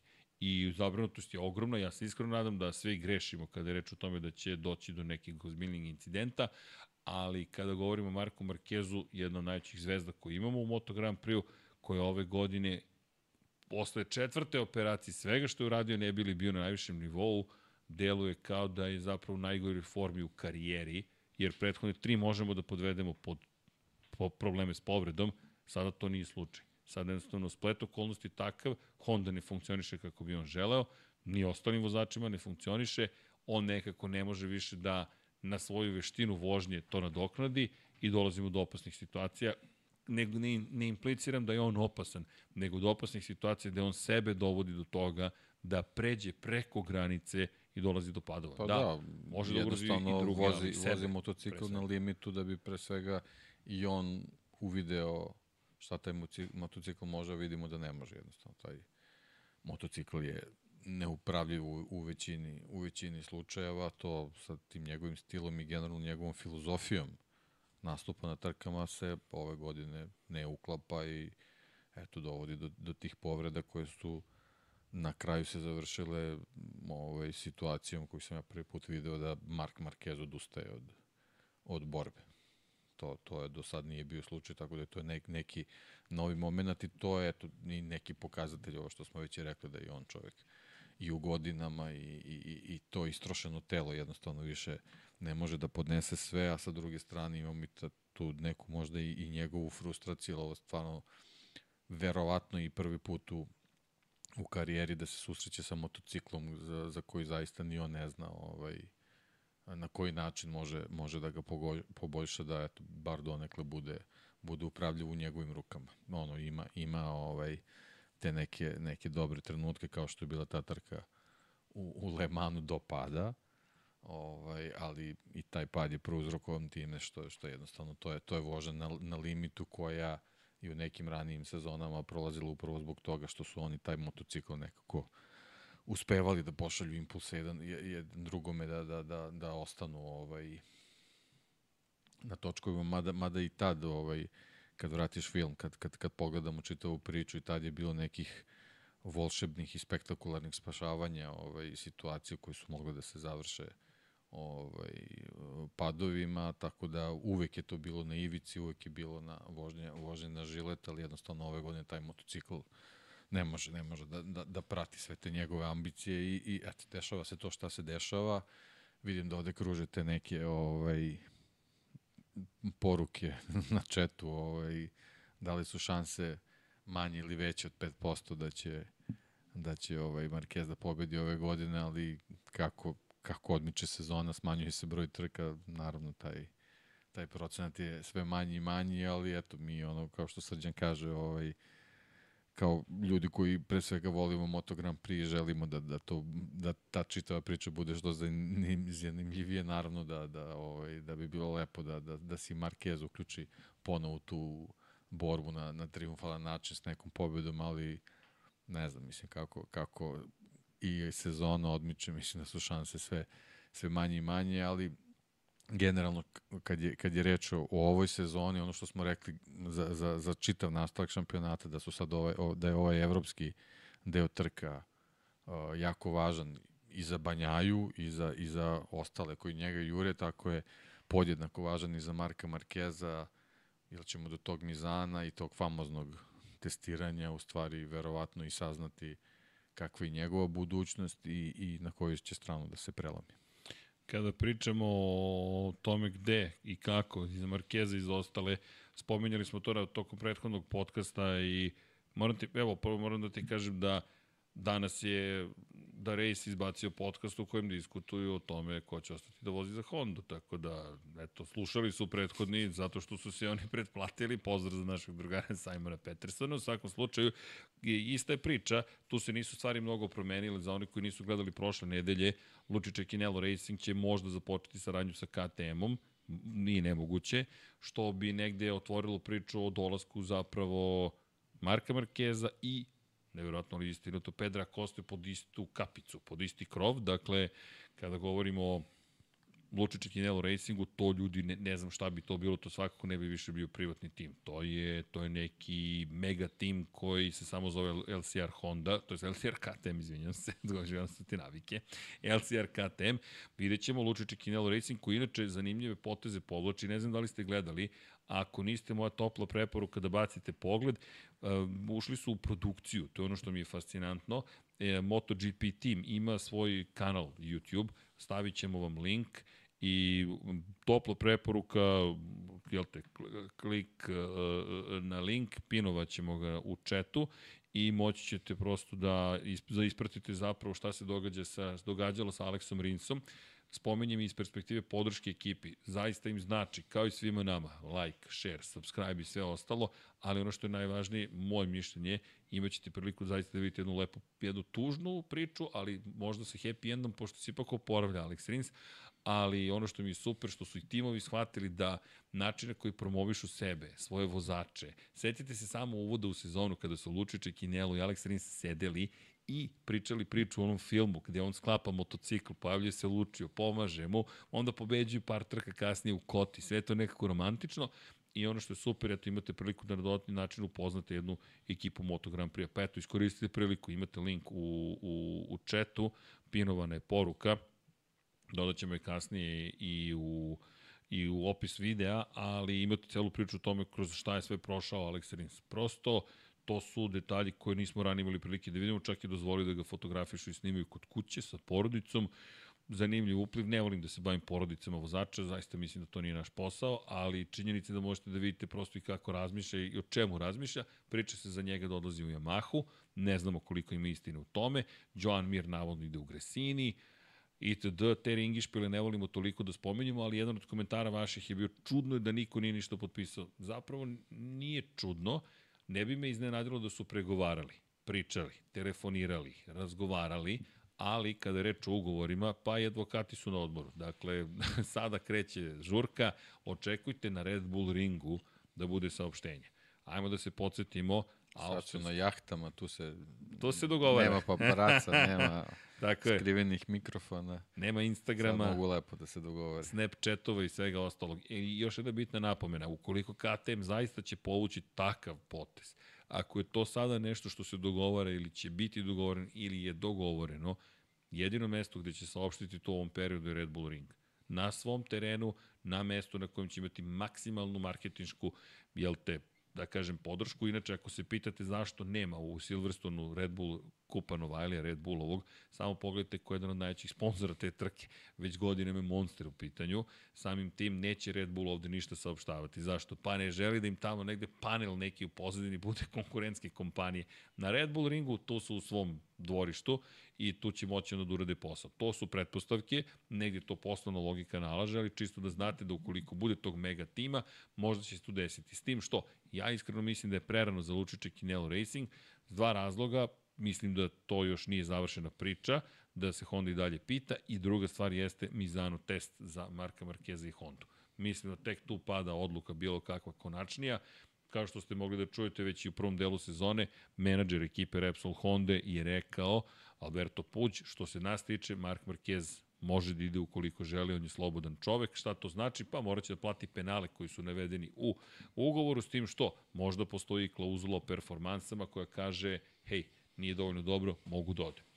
Kako god, nije mala priča, Mark Marquez, Honda, da je ne ponavljamo, pogledajte prethodni podcast, baš smo se bavili time da li će japanski proizvođači otići. Što se nas tiče, to je više priča nego stvarnost. Suviše su veze duboke, ali ko zna sadašnjost šta će nam doneti. Kako god pogledate, jeste dramatično za Hondu, pa da vidimo da li će naći ludaka, to je Davida Brivija.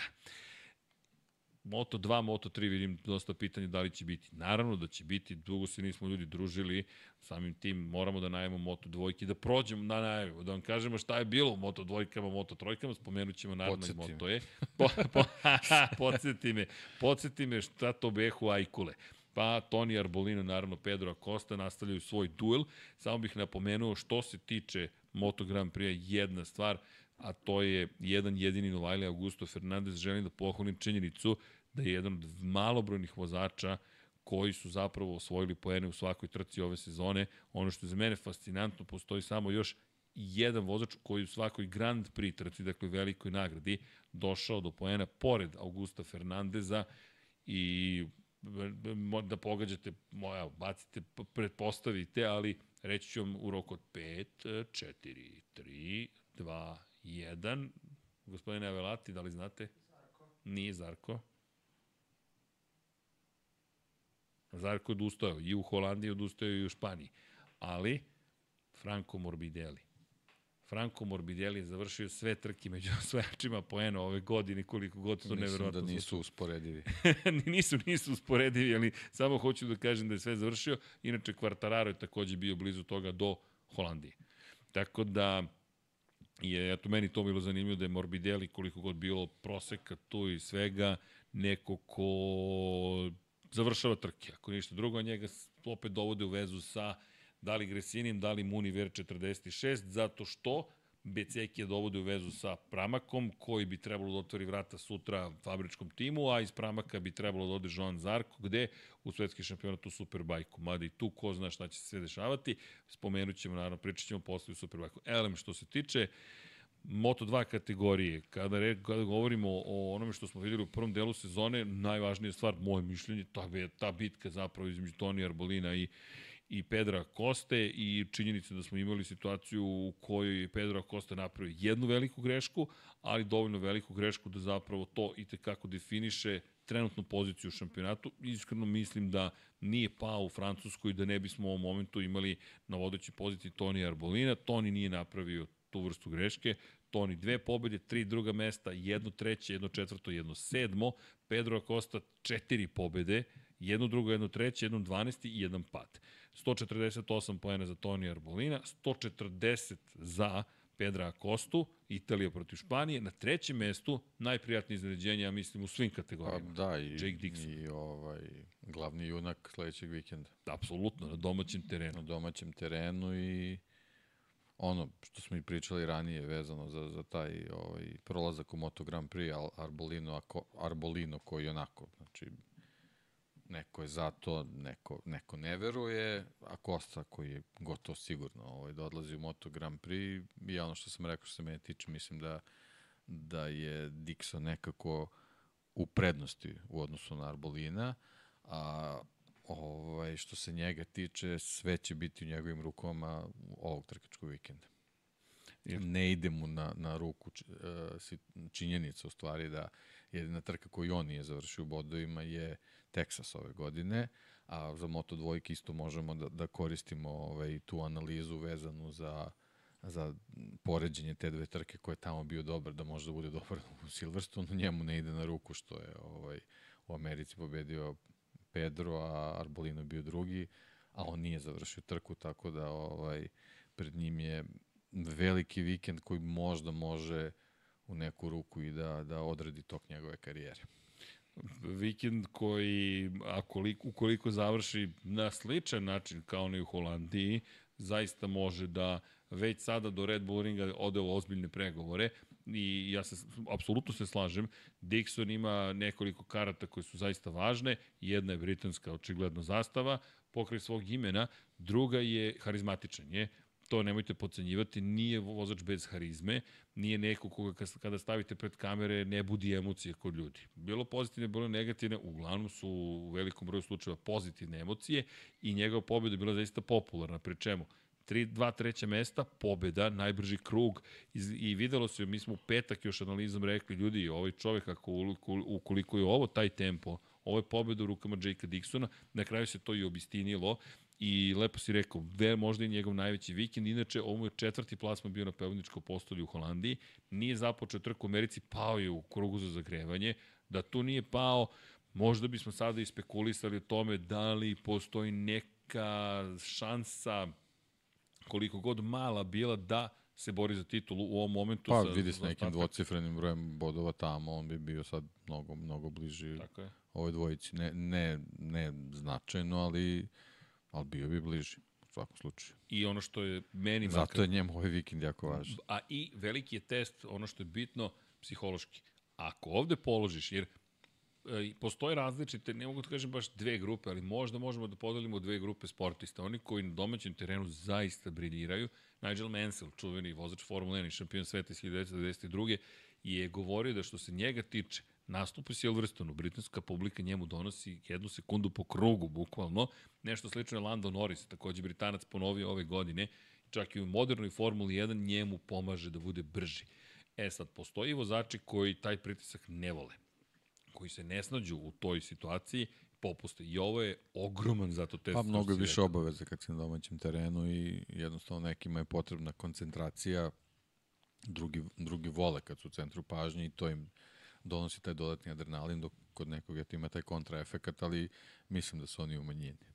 Ja mislim da su zaista umanjeni, ali eto, da vidimo. Vidjet ćemo, vidjet ćemo od čega je satkan Jake Pazi, Dix čak je i Casey Stoner uživao u nastupima u Australiji. Čovjek koji izbjegavao pažnju je toliko dominantan bio da niste mogli da ga pobedite na ostrovu Filip. Jake Dixon, ja mislim da ide na pobedničko postolje. Ja mu držim palčeve, mnogo bi bila zabavna priča da čak i pobedi. Zašto? Zato što to bi moglo da promeni stvari ozbiljno u Moto Grand Prix. Pa, kažem, eto, ja, ja nekako sam ubeđenja da je on ispred Arbolina da se nađe u Moto Grand Prix. Ne, ja sam siguran. Ali ovaj vikend to To je to mora da potvrdi. Tako je, tako je, mnogo je bitno. Inače, pričali smo, Filip Salač stiže naredne godine u Mark VDS Racing, vrlo zanimljiv potez, moram priznati, puno poverenje u Filipa Salača, raduje me, mislim da dobio još jednu veliku priliku da, da ide korak dalje, koliko god Gresini mu je pomogao, Gresini nije toliko velik tim u Moto2 kategoriji. Gresini, Gresini ima drugog posla. da, da, ima, ima mnogo važniju neku kategoriju. Ne, zato što Gresini Moto E. sad... da, Gresini sad stvarno preduzima neke korake ozbiljna ekipa u Moto Grand Prix i Tako sad je. sve, te, sve teže da, da, se, ju- da se rasplineš na, na sto strana. Pa Muni je odustao, Ver 46 tim je odustao od Moto2 klase da bi se posvetio dovoljno Moto Grand Prix kategoriji. I rezultat se vidi. Vidi se pri čemu Gresini zaista nastupaju u Moto E kategoriji. To nije šalo, Gresini ima sreću da ih Enea prošle godine probudi u, u Moto Grand. Prix, ali bez njega bez vozača koji, koji vuče celu ekipu, ti moraš malo više resursa da, da posvetiš tome da bi ostao na tom nivou i vidi se da nije lako. I, ono, Ova ali, sezona pokazuje. i romantična sezona i važna sezona prošla je bila. Još dolazi Enea Bastianini u momentu kad je Fausto Gresini preminuo, međutim Nadija Padovani to sve preuzima i, i, i ide u pravom smeru. Ok, le, u svakom slučaju, Toni Arbolino tre, trebalo bi zaista da, da uradi više. U prethodnih par trka videli smo čoveka koji, šta se meni, ne kažem, nije dopalo, šta me zabrinjava iz, iz njegove perspektive. Drugi, drugi, sedmi, u tom momentu prvi, prvi, treći je Pedro Acosta. Dakle, Pedro Acosta od tog pada, dve pobjede i jedno treće mesto. Ne možeš da se protiv vozača poput Pedra Acosta braniš tako što ćeš biti drugi. To, to, to, to te nigde neće dovesti. Pogotovo na domaćem, u Italiji, apropo domaćeg terena. Ne možeš tako da nastupaš, jer doći će trka poput Holandije i onda ćeš imati ozbiljan problem i nest, bit će ti obrisana prednost. Pri čemu, može se desiti na, na kraju trke u Silverstonu da imamo novog vodećeg u šampionatu. Ono što je fenomenalno za Tonija i za Pedra Kostu jeste njihova harizma. Zaista su harizmatični jedan i drugi.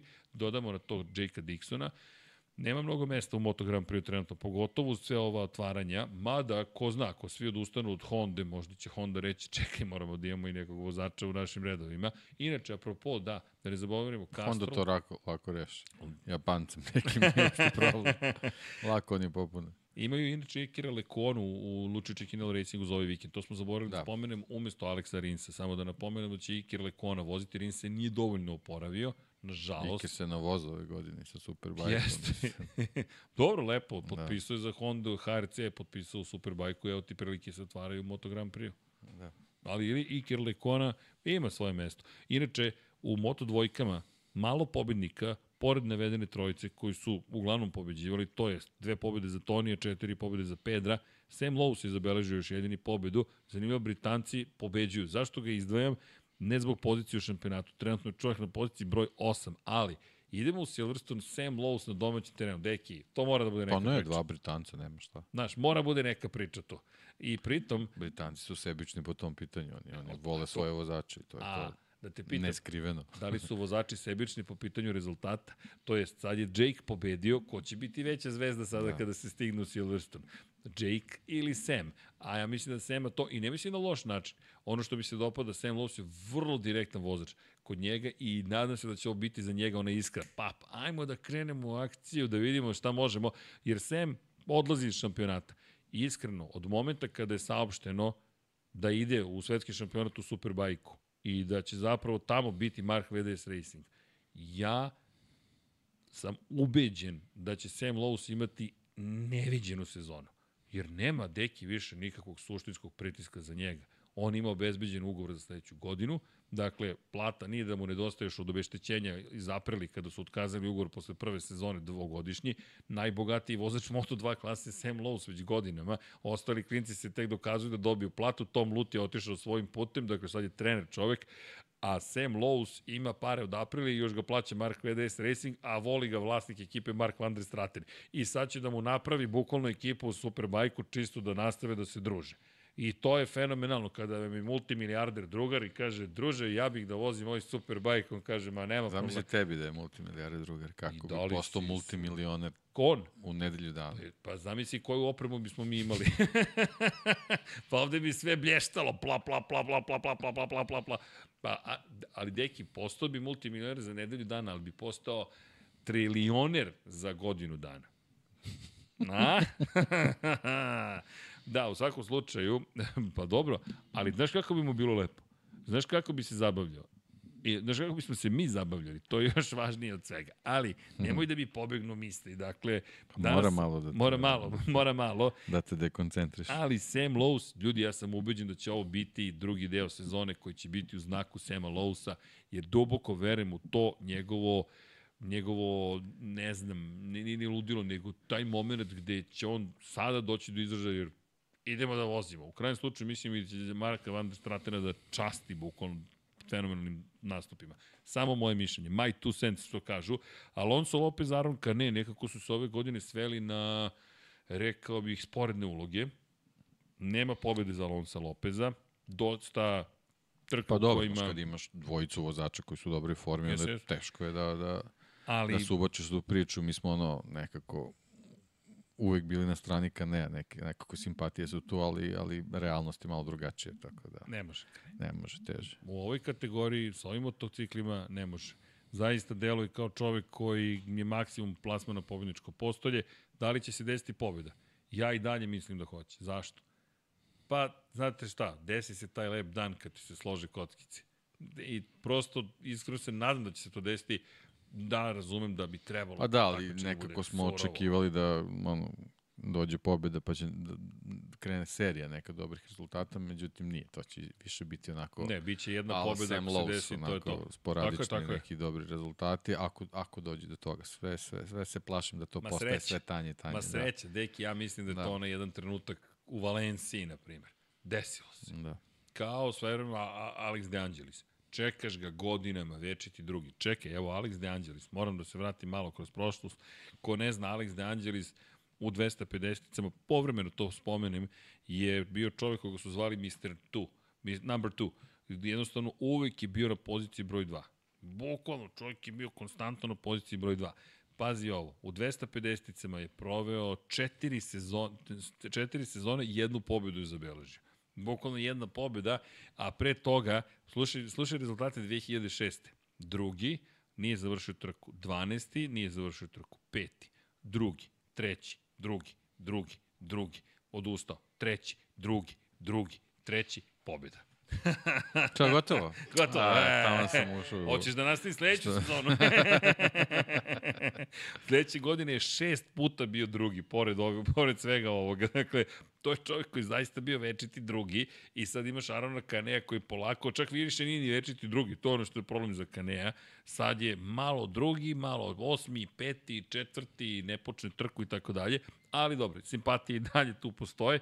Inače, Filip Salač, Somkjet Čantra, opet, sve su to sporedne uloge, ima tu sjajnih vozača, Celestino Vieti nekako, ajde, figurira s vremena na vreme, Fermin Aldiger čekamo prvo pobedničko postolje, bio je četvrti na prethodnoj trci, držimo mu palčeve, koga, međutim, ja mislim da treba stvarno čekati. Inače, puna podrška za Lukasa Tulovića, baš mu je bio težak početak, prvi deo sezone.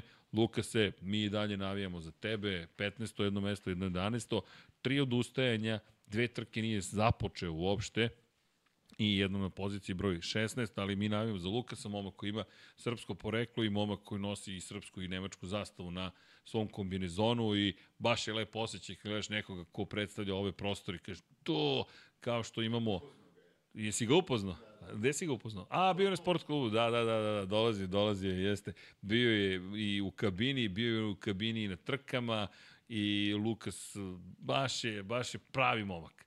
I jedan srčan, jedan momak koji zaista je vrlo pristojan. Eto, želim da ga spomenem jer kažem, da, momak je Nemac, prosto rođen je u Nemačkoj, ima srpsko poreklo, ponosan je na poreklo, ponosan je svoju državu kako i treba da bude, ali neko koga mi svojatamo i tu je kraj. Ja mu kažem, pošto ga svi čitaju Tulovik, ili Tulovik, ili, i ja mu kažem, vidi, izvini, ali mi te čitamo Tulović. Pa kao tako i treba, kao to je način da se čita, kao ne razumem, rekao, okej. Okay. Ali, pored njega, to je čisto na vezu, pošto trenutno zaista nisu to te rezultati koje ni on želi, a to je Husqvarna trkački fabrički tim. Inače, sa debitantom je Derinom Binderom, koji je došao iz Moto Grand Prix klase u garaži, dodao bih čoveka od koga smo tako mnogo očekivali, naravno, kako? Ajo Gura, a, nisam išao na tu, u tom smeru, ali Ajo Gura mi je bio na sledećem mestu Izan Gevara. Izan Gevara, hoću da vidim Izana Gevaru, da vidim šta može da učini. Što se tiče Ajo Gure, ajmo da napomenem, druga pozicija za Guru, slažem se, Ogura mislim da će biti dobar i da je sad to plasma među vodećih pet prosto nešto što mora da bude do, do kraja sezone njegov, njegov plasman. Ajo Gura, za one koji ne znaju, prošle godine vice šampion, to jest šampion autodestrukcije. Prosto čovjek koji imao titulu u rukama, ali avaj, avaj. U Maleziji je povukao jedan potez koji je bio skupocen i nije došao do krune. Ove godine puno povreda, to je povreda u predsezoni, problemi i prvi plasman na pobjedičko postavljanje na prethodnoj trci, ali bih zaista nekako mi nedostaje ta neka nova dodatna generacija i Guevara koji još nije osvojio poene, četiri trke je završio, dve nije, daleko, daleko od onoga što je Pedro Acosta bio. Mislim da je to nešto iz sistema izašlo. Šta bi, Vlado? OBS disconnected. Dis, ne, sve u redu, sve u redu. Pokreni. To ti kažem, OBS, ali sve je u redu zato što šta? Mi nismo dozvolili da nam ovde sišta, jel to još logira? Zato što smo sprečili autostop. Topla preporuka svim youtuberkama i youtuberima. Kada live streamujete, imate neke opcije tamo koje obično ne dirate, jer što bih dirao ove opcije? Dirajte opcije. Auto start i auto stop po, ne, jednostavno isključite. Kada započnete stream, pojavit će vam se u live studiju vaša konekcija i onda uradite go live, tada ste započeli stream. Ako vam pukne software za streamovanje ili nešto mu se desi, samo će na trenutku se izgubi konekcija, ali se video na YouTube-u neće zatvoriti. Da smo mi to znali, kad smo bili mali, ne bismo imali Lab 76 broj 42 V1, V2, V3, nego bismo imali povremene prekide u streamovanju. Zašto? Koristili smo Restream. To je bio onaj Netflix sa Schumacherom, ili tako? Aha, kako je to bio, jao, kakva depresija. Ali to, ljudi, mi učimo uživo pred vama. Jednostavno, zato ponekad dobijete i neke stvari koje nećete videti negde drugde, ali ja mislim da je to lepota življenja, bar smo iskreni. Ono što je poenta, jeste da u tim situacijama mi smo koristili Restream, super je Restream zato što na više zapravo platformi možete da pošaljete stream, ali Restream i YouTube nije da se baš slažu jedan na jedan ili mi nismo znali da podnesimo na adekvatan način Restream, a multistream imate add-on u OBS-u koji možete da aktivirate i onda streamujete gde god hoćete.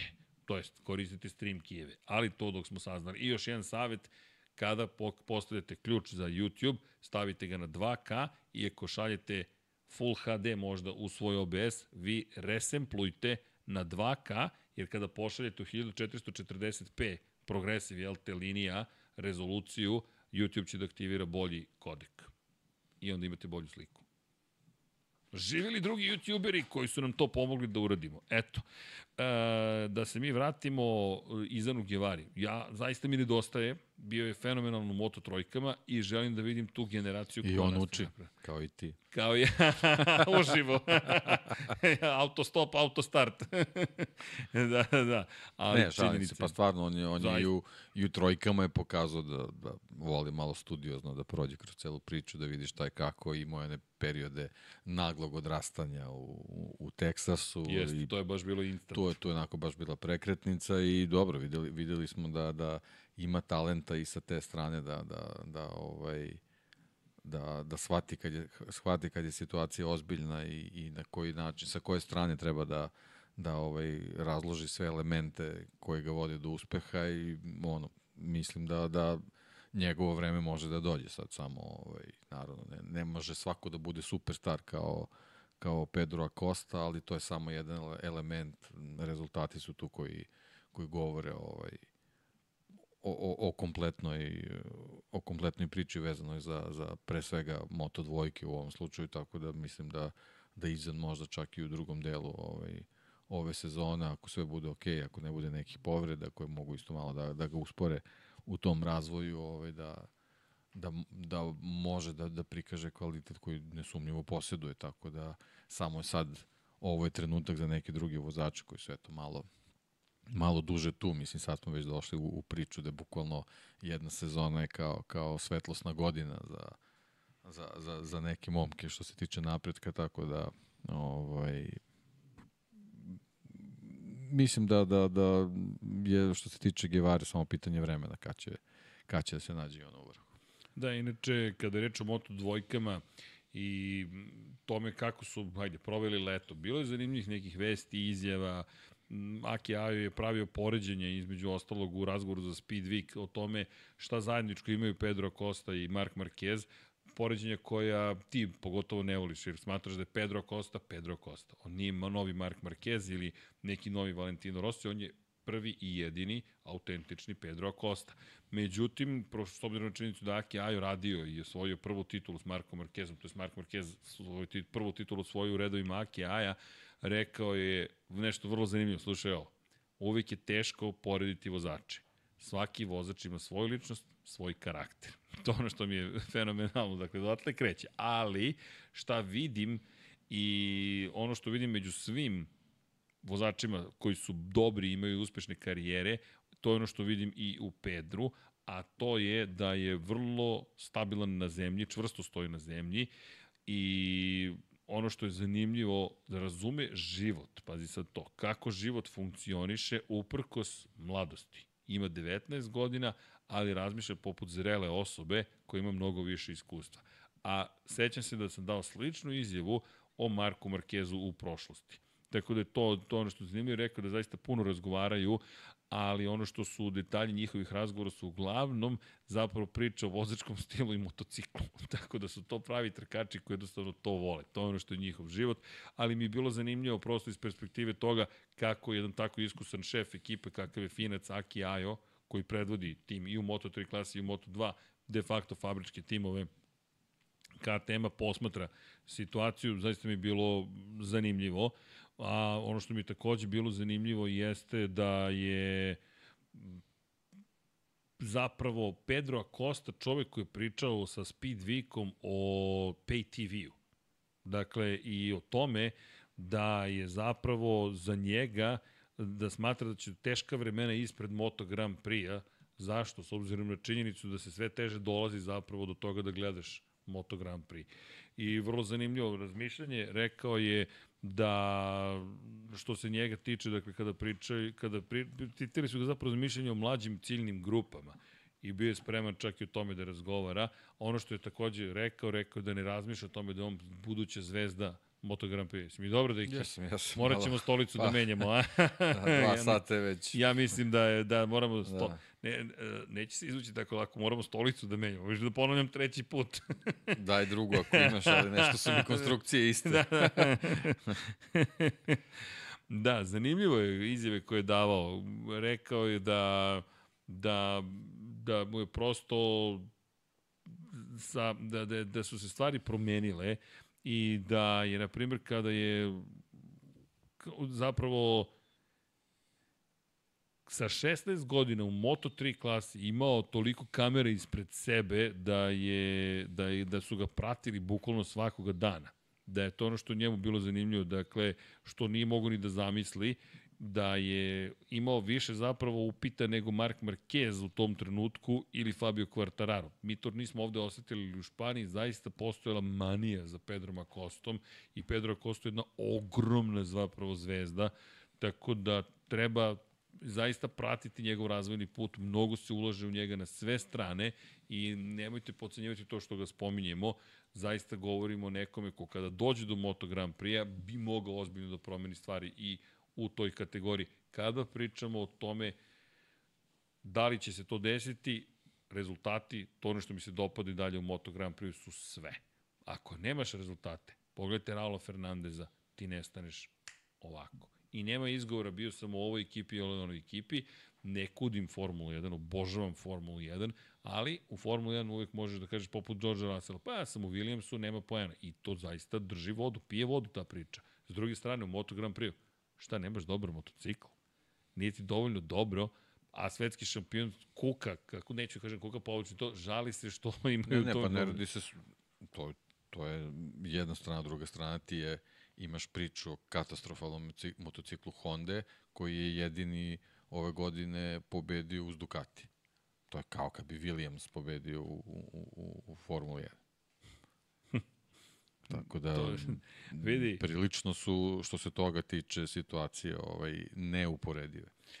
u, u svakom slučaju Pedro Acosta ima potencijalno svetlu budućnost pred sobom, mora da, da donese rezultate. I to jeste pritisak, nije da ga baš nije da želi taj pritisak, ne razmišlja o pritisku, on želi da se trka, pobeđuje, takmiči.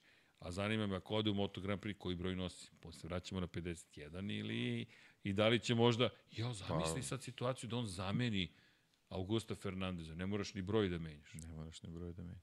37. ostaje 37. Mada oblik je malo drugačije. To. Pa da, Morat će. nalepnice. Nalepnica, ali u prijevi će ostati isto. Ok, za one koji ne znaju, Pedro Acosta je zapravo stalno dolazio posle Augusta Fernandeza u kategorije.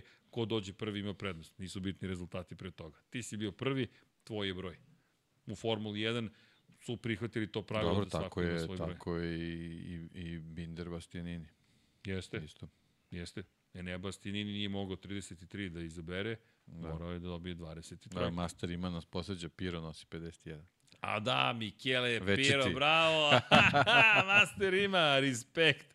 E, ali to je Da. sad pitanje, da li wild card vozač ima pravo prvenstva? Pa već je, već je notiran po Već tim je brojem. notiran da. po tim brojem, registrovan, da. Dakle, koji... Ma dobro, Pedro, Snaći se. on, njegova je 37. on Sad, je snaći će se. 51, pričali smo kako je došao do 50 jedinice, tako da nije. Ali zamisli da dobije... Kako je beše došao do 50? Pa njegov uh, trkački inženjer nikad nije uspio napravi veliku vozačku karijeru, je bio dobar nosio broj 14. 37 plus 14, 51, Eto. vrlo jednostavno. Vrlo je U, jednostavno. u njegovu čast spojio je svoju i njegovu karijeru. To je baš lepo. Pa da. To je baš lepo. Ali zamisli da doda jedinicu ispred. 137. Ja bih volio najzad neko ko Ruben Ćao svoje vreme. Dođi sa 111. U Superbajku. U Superbajku, činjenica. Moto Grand Prix ne verujem. Zamisli ti daju. Nemaju u grafikama mesto za 123. tri broja. Ne, od, od od Mahove glava, ja sam fazonu, zamisli da dođe. ali nema opcije. Nema opcija. Ma sve se da, veruj, a. Znaš si dođe Valentino i kaže, mogu ja 146 da nosim? Šta, ne bi mu dali 146? Ne bi. A, jeste, jeste, Ne bi, Marquez. ne bi. Dođe Lorenzo i kaže, može 199. Kad smo kod toga, kad ćemo da uradimo onaj specijal u Jorge Lorenzo, prođe. Nakupilo ti se već godine. dosta podcasta, tako da ne otvaraj temu. Ne otvaraj tu temu. Ne, otvaraj- odvijaj tu Ne, čokoladicu. ne otvaraj, ne otvaraj. Dabar je otišao kući da spava. Ali mi nismo. Blago dobro. Bla, aha, znao sam, znao sam. Moto 3, moja omenjena kategorija svih nas. Daniel Olgado, prvi put da Čekaj, nije... podsjeti me, stani. 25. Izvinjam se, pozicija moram, na kraju moram da otvaram to. velike na nagrade. Holandije. Davno je to 125, bilo. evo, poslušaj, slušaj, 125 poena u šampionatu sveta. 109 ima drugoplasirani Jaume Masija, pobednik prvi put ove sezone na prethodnoj trci na velikoj nagradi Holandije. Na trećoj poziciji čovjek koji nema pobedu ove godine, 99 poena, Ayu Sasaki, KTM Honda Husqvarna. Pritom, Ivan Ortola, Denis Ondžu, Diego, Mor, Diogo Morira su tu. Ortola dve pobede, jedna za Ondžua, Diogo Morira čeka svoju prvu pobedu, David Alonso Novajlije je sedmi, zatim Xavier Artigas, Jose Antonio Reda još jedan Novajlije i Stefano Nepa. Ko je pobedio? Tatsuki Suzuki, Tako ali je. nije vozio prethodne dve trke, ukupno četiri nezavršene trke i samo 38 pojena uprkos pobedi. Tacu, jedan od najvećih heroja i tragičara trenutno sezone, vozi za Leopard Racing, Jaume Masi je takođe Ali, vozi za ali Leopard voli, Racing. voli Silverstone. Silverstone nema Voli, šta. voli, voli. Nema. Voli. Po travi, po travi. Tako je. A inače, neće da mi kaže Miodrag Kotor da li su zaista potpisali sa Angelom Pikerasom ili ne ugovor, pošto je to saopštio zapravo Rikard Hove i to, to izbacio na Twitteru. Ja kažem, Mio, jeste potpisali Pikerasa? Rekao, okej, nešto se kuva, ali nema priznanja, tako da ne znam da li je zaista potpisano, ali ako saznamo, verujte, javit ćemo vam, prvo ćemo vama javiti. Nego za sada ništa se ne zaopštava. Obično se to kuva nešto, ali da li se skuvalo, nemamo pojma.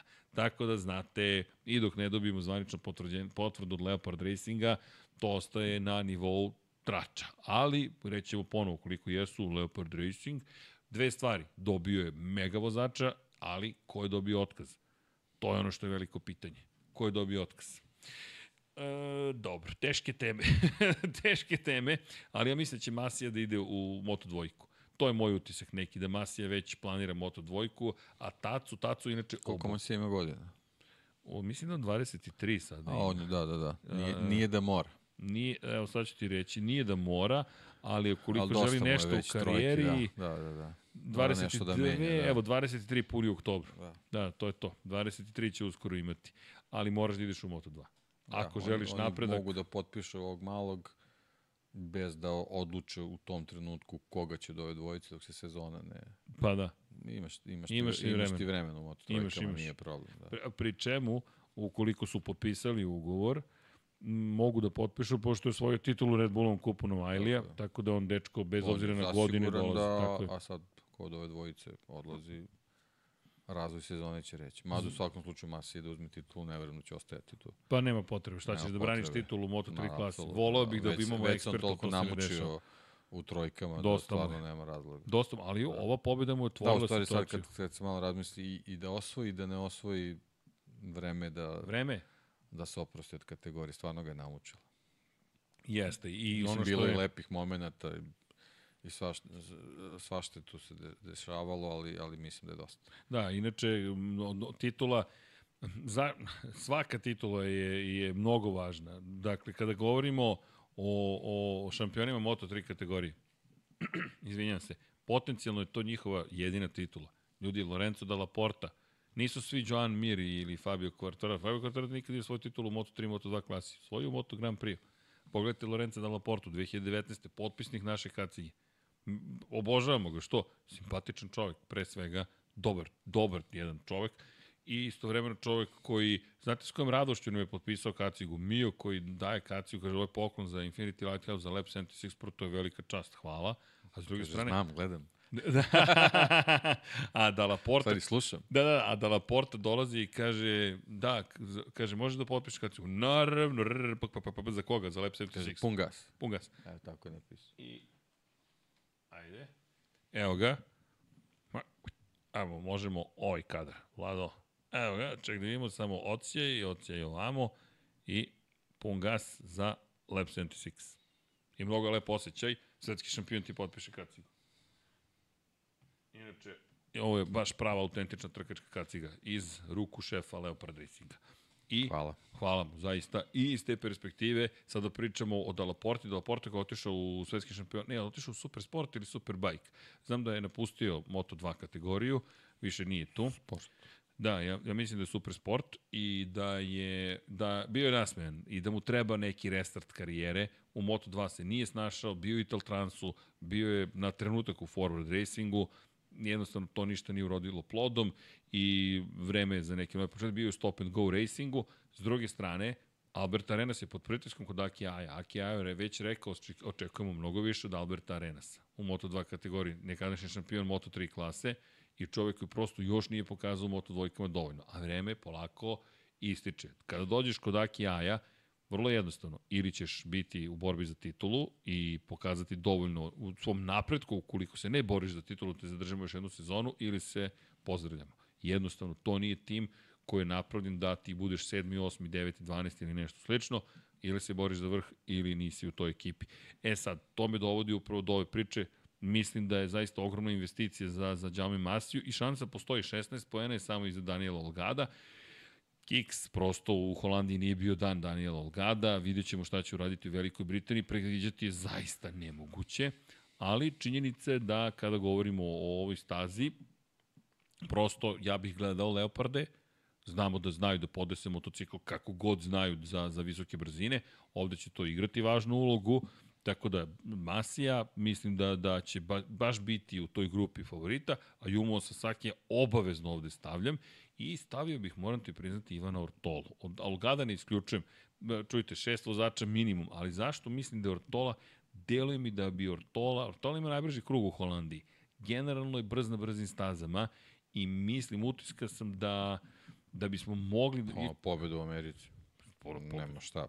To, to je to, bukvalno. Ta pobeda, Jerez, isto pobeda, ali Amerika, najbrži krug, sve što je odvezao, nekako mi ga stavljaju u tu grupu. Takođe mislim da će Ondžu nastaviti ovaj dobar niz, drugi, prvi, treći, raspoloženje, e, to, to čak nije ni prepotentnost sada, to je zaista prava forma i još jedna bitna stvar, Ondžu na ovako brzoj stazi, gde se rizik isplati, mislim da ima tu šta i tekako šta da traži. Za ostale, os, moramo da čekamo da vidimo šta će, šta će se bukvalno događati. Zaista, neko će iznenaditi sad, da li će to biti Romano Fenati ili Pa neko sad je slično. samo pitanje da li ćemo imati grupu, deluje mi da hoćemo, Ja mislim da hoćemo. a ovaj, sad ko će moći drži priključak, priključak vidjet ćemo. Ali to su uglavnom zaista glavne, glavne uloge koje imamo Iskreno od. Morire sam više očekivao ove sezone, ali nekako, Dobar početak i Da. to je to. pa dobro, da li to nije, nije čak ni neka velika serija. Treći i drugi. Pa dobro, da, i to je to. I to, to je to. stalo sve. Ali s- ono što je zanimljivo, Eto da kažem, lepo ušao u sezonu, možda sad lepo uđe u, u, e, u možda, nastavu. možda i njemu treba Možda taj, to, da. ko zna, možda posle pauze je Da, da, da. Možda ima problem sa fizičkim pripremama, sa, ko zna. Mada, dobro, za trojke to nije toliko ni neophodno. Da, ali Ali da, desio se neki pad koji za, ovo, za ovu sezonu ni, nije, nije bio očekivan, ugledajući u prethodnu. pa, moj Ali, utisak je da dobro. ne napreduje. Da. Iskreno, Da, da, imam da, utisak kao da je došao ne do maksimuma ukupnog svog, ali ovo sezonsko, kao tu sam i to je sad dovoljno da se trkamo. Ne, I svaki put ga spomenemo, a ne desi se ništa. ništa. Apsolutno ništa. I da nije Brazilac, ja mislim da bismo već odustali. Iskreno. Mislim da imamo te neke ljudske simpatije prema Brazilu. Brazilska majica je tu. Prosto to su, to su neke le, lični afinitet, ne znam, lepo, je, lepa je priča. Uvijek imaju navijače. Pa uvek imaju navijače i da iz te perspektive smo očekivali, moj utisak je da ne napreduje. Jednostavno da nije trenutno našao način da nauči od svojih rivala dovoljno tokom sezone. Imam utisak kao da mu je potrebno, dobro, svi dobra je tvoja teorija. Možda ovih pet nedelja će biti upravo to, da analizira kako i zašto može da napreduje. Imam utisak da ga ovako, koji je vikenda u vikend, kroz, u trci samoj, ne može da pohvata kako da ukrade znanje kako da, da on bude brži. To mi je samo utisak. Zaista uvek isto pričamo o njemu. A ostali se, stalno se menjaš, jer mm, jedini način da sačuvam sebe od promene putem promene. A, vi niste slušali tu muziku. Dobro. Ovo je... O, DJ, No, ostavi me, čoveče. EKV. Šta psuješ? Šta? E, Vladana vide. Čekaj, kako si rekao se zove? Brain? Ne. Membrane.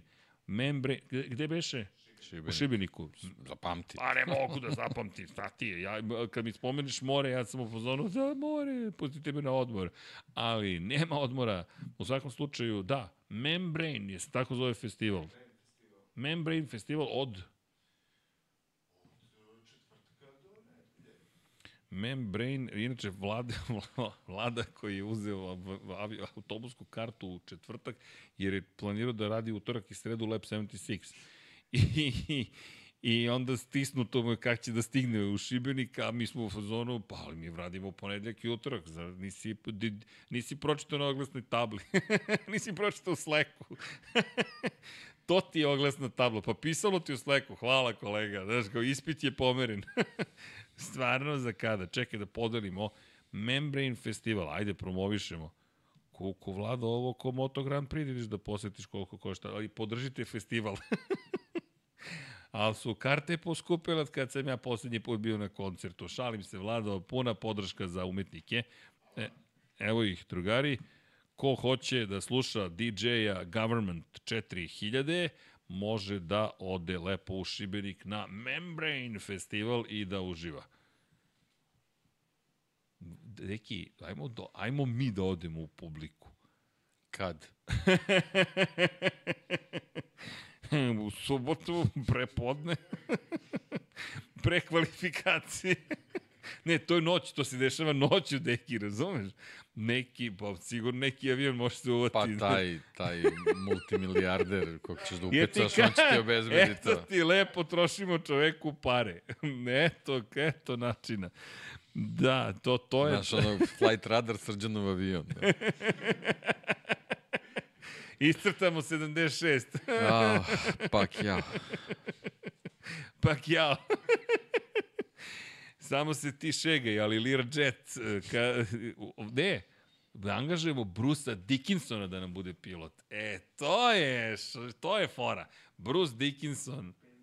A mi pevamo s njim Fly, fly on your way like an eagle. Nemoj claim će ti udare. Da bismo mogli da kupimo Ne, Bruse, budi naš Patreon da bi mo, da bismo mogli da... Nemoj samo da pevaš, udarit će nam claim, pošto Claim, da, toliko, toliko dobro, dobro. pevaš da deluje kao da se pusti original. Ako budem imitirao Mission Impossible, će tu ponovo da nam lupe... Sigurno, zapravo. uveren sam. Tan, tan, Uveren tan, sam tan, tan, tan, tan, tan, tan. Dosta. Ako Ugasi. ima nešto da on neki par sekundi može ili nešto, ne? Pa, pa ne, imaš fair usage ako analiziramo umetničko delo. Ali onda imaš, valjda nemaš monetizaciju. Ima, ima, ne znam. E, ima- imaju mlađi iskustva sa tim stvarima, morat ćemo da ih konsultujemo. Hvala, Kon, konsultanti. E, elem, pazi, u Šibeniku bih mogu i da poradim na tome da nemam ovakav ten, razumeš? Ali, Moto E kategorija. Mateo Ferrari, dvostruka pobjeda u Holandiji i završetak prvog dela sezone, dve druga, dva druga mesta za Đordija Torresa, osam poena razlike između njih dvojice, otvaramo drugu polovinu sezone i šta smo rekli, koje su četiri najvažnije trke? Velika Britanija, Austrija, Katalonija i Mizano. Zašto? Zato što su to četiri trke u kojima ćemo imati i Moto E kategoriju.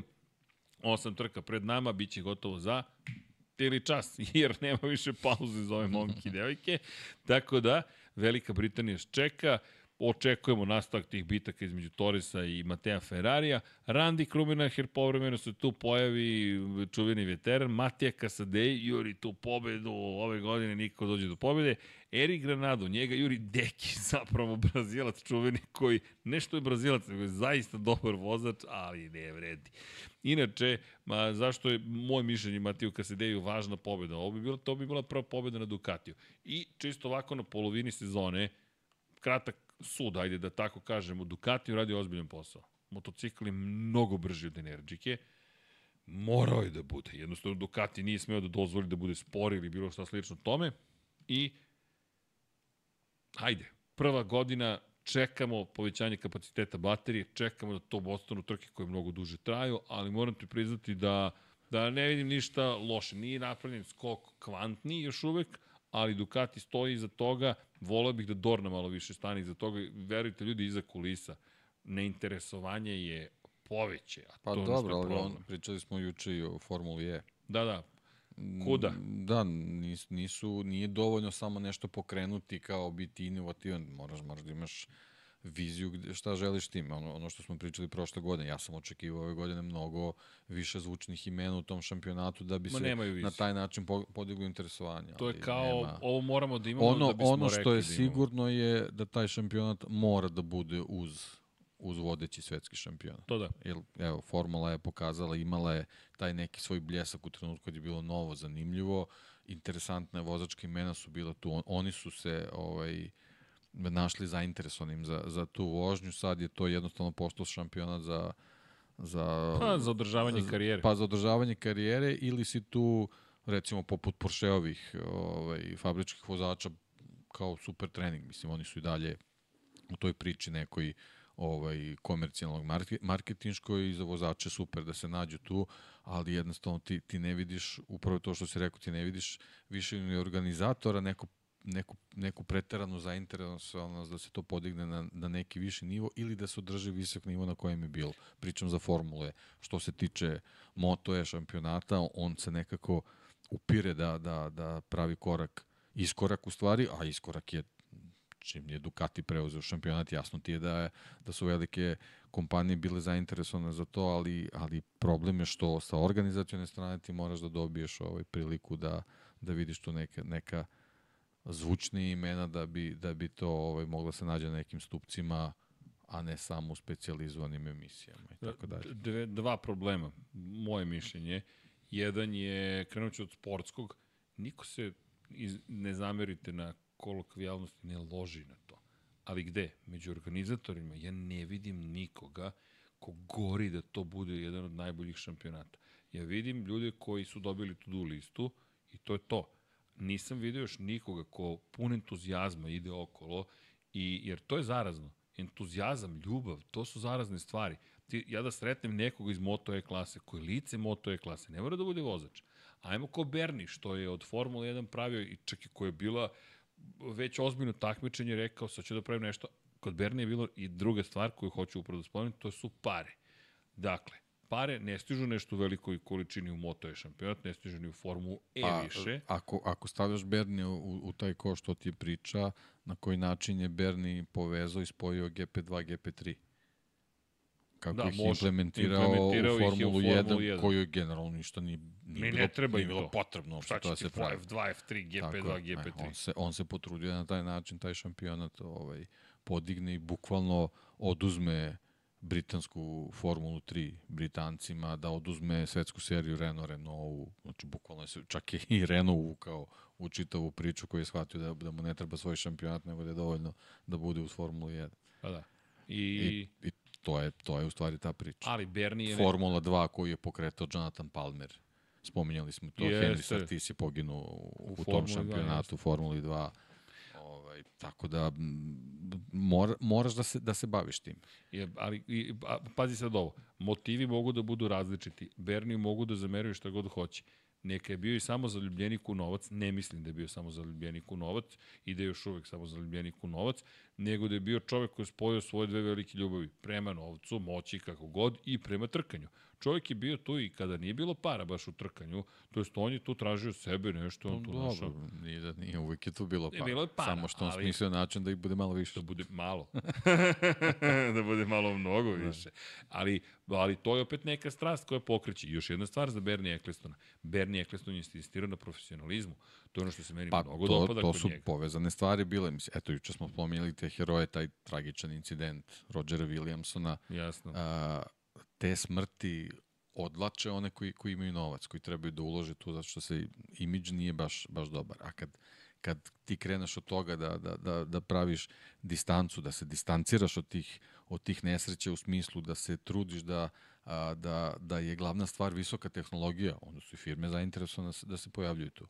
Naravno, sport je opasan i to je, to je nešto što ima tu magičnu privlačnost da, da, da, da, da pratiš događaje gde stvarno može se desi Ali sutra da, da neko ponovo izgubi život, ali ti to dovedeš na najmanju moguću vre, meru tako što uvedeš visoku tehnologiju. I naravno da će sponzori da krenu, kao što je u jednom trenutku bio onaj procvat u Formuli ali- 1, 80-ih do negde 2000 5. 6. 10. recimo. gde je problem sa Moto E klasom? Zar, zar to nije visoka tehnologija? Zar to nije tehnologija koja bi treba, da trebalo da privuče? Pa jeste visoka tehnologija, ali, ali je visoka tehnologija zato što se jedan proizvođač odlučio da, da, da to uradi na taj način. a Ne što je, što je a, organizator je samo dao priliku da se to napravi tu. Ali, tako je, ali nije, nije se uopšte uključio na pravi način da, da to promoviš. E sad, Pri tom, za razliku, izvini, za razliku od Formule 1, Formula 1 je bila Formula 1, a ti u Moto Grand Prix imaš već nasleđene dve kategorije niže, koje su same po, po sebi već spektakularne. I, I- sad uvodiš neku, neku četvrtu zato što je to sad eto neki trend i neka moda, misleći da će ta visoka tehnologija tebi da dovede gomile i gomile sponzora koji kao nisu trenutno u Moto Grand i Prix. još jedna bitna A stvar. imaš, ne znam, Lenovo, Ducatiju. ti ne sad. želiš da dozvoliš da bilo ko drugi organizuje Moto E šampionat, jer se Formula 1 desilo da neko je organizovao Formulu E ko nije Formula 1, a u tom momentu izgledalo "Ah, oteli su nešto što vredi i onda je Moto Grand Prix rekao brže bolje osniva i zvanični šampionat sveta koji ćemo kasnije reći da nije nikad bio šampionat nego da je bio kup, pa ćemo onda Ducatiju da damo da je prvi zapravo konstruktor u istoriji u svetskom šampionatu. Jer Ne, Ducati ovo, mislim, super je taj razvojni poligon koji ti neko dao. Apsolutno. Za, za njih jeste. Ali, eto, Ali marketinško gledano, izvini, ložački gledano. da. Ko se tu loži na celu priču? Ja bih volio da imam jednu osobu koja iz koje god razloga, pare, slava, moć, ludilo, veruje u to. I da dođe da kaže, moto je, pa to je ovako, to je onako, moto je, ma moto je, ma moto Ne, je, moto i veliko je pitanje u kom trenutku ćeš videti ovaj, električne motocikle, tipa super sportske motocikle na, na ulici. Ja za sad viđam, što se tiče Ducatija, trotinete samo. Pa vidi, nešto traži snagu malo više nego Pa što da, ali, možeš da je ali spakuješ. nije, da, nije, to što kažeš, ne, nema ko da se loži na to. Ja sam ubeđen da će oni tići u hibride, to je ono što smo pričali. I samo da će Pa je moment biti neki, priča. da, možda neki, neki spoj, Obratni moment, deki, to će ići na magnet, na, ma, magnetni poklon. Imaćeš klasičan kardan će da ubace pozadnje, neće to biti lanca. pa da, ali što? Prvo, imaćeš, Da imaćeš već biogorivo u Moto Grand Prix-u, već imaš mašine koje ti idu 400 na sat, šta, Zbog šta ti marketinga. treba?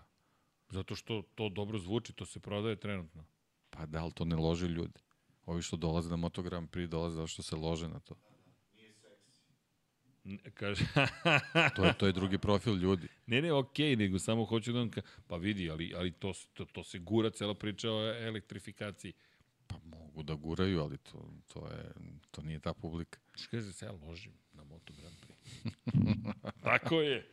Ne, ali vidi, to je pravi iskonski. Dakle, ja se nadam da će vodonik da uguraju na kraju kao, kao tečno Mogu gore, kogo je šta teško. God, šta god žele.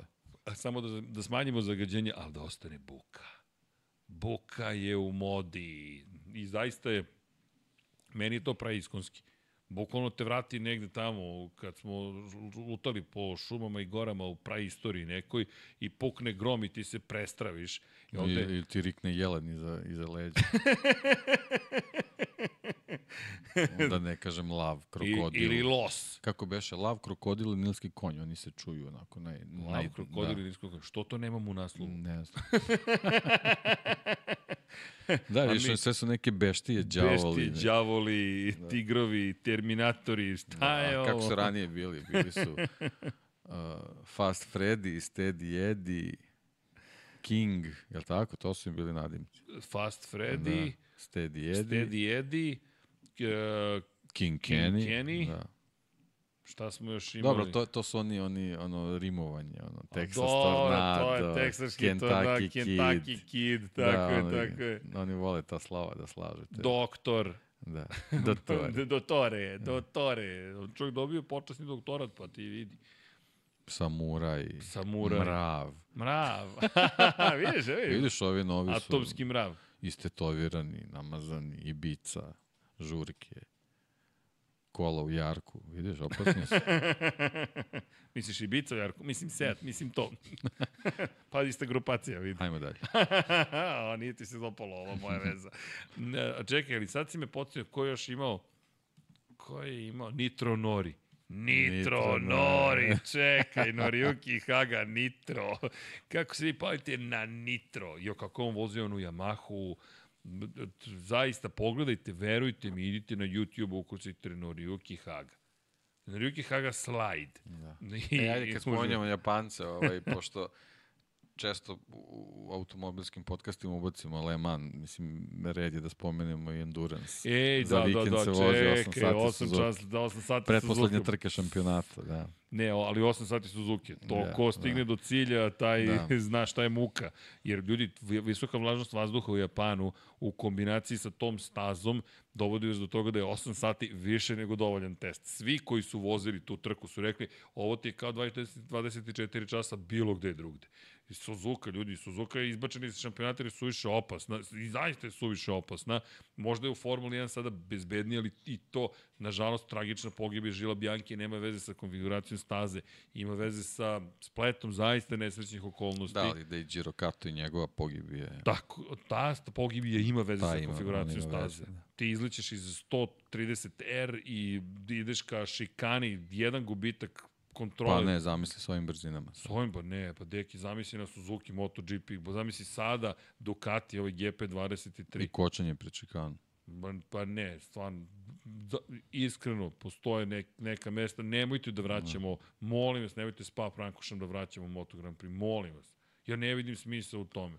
Pa ti imaš visinsku razliku od 102 metra, to smo sad mogli da vidimo na Formuli 1. Popneš se gore na brdo, prođeš, Las, ne La Source, La Source je prva, La, prođeš i kreneš da se spuštaš dole ka Briselu, pa to ona ni izbrdica, pa ono je strašno. Uzbrdica još i neko, ne oruže, oruže Radilon, to je, to je zastrašujuće samo po sebi u svakoj kombinaciji, ali ne, samo zamislite, ja ne znam kako, kako zamišljaju da bude bezbedno ikada u oružu.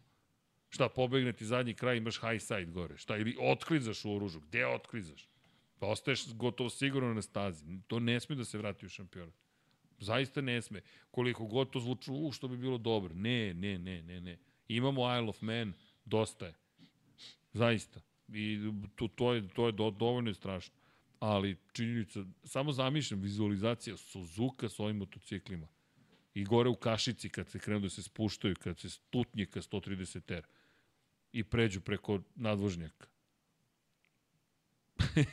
zanemeli smo, svi smo zanemeli ovde. E, Ne, ne idimo tamo, ali... ali, Ali, eto, idu, Endurance ide. Ide, ide endurance. I zato voziš 8 časova, su 8 sati Suzuki i, i juriš.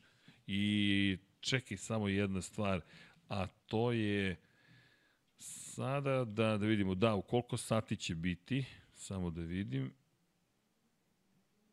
nisam nikad siguran kao u koje vreme se vozi. Ne, samo da vidimo, zvanični sajt, I accept all cookies. Pa nešto, četiri Dakle- ujutro, verovatno.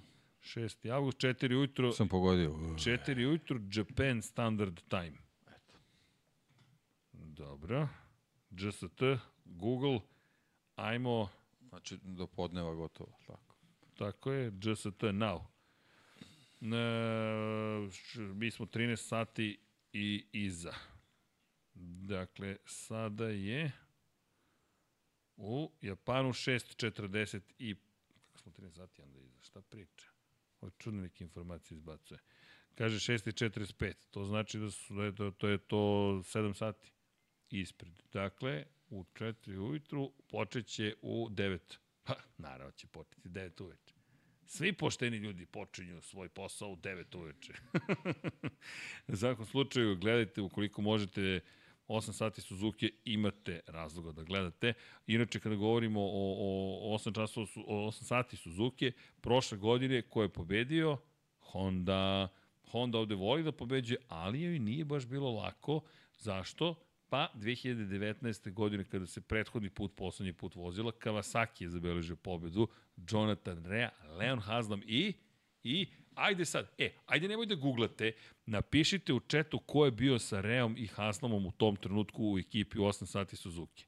Ajde, molim vas. Baš me zanima ko je ispratio tada. A, Garantujem da se nećete setiti. Ti Garantujem. si video. A dobro, video sam, ali smo i mi pričali o tome čak. Čak smo i pričali o tome. Da, da, da, da. Ajde da vidimo ko može da se seti. A dobro, ja sve vidim.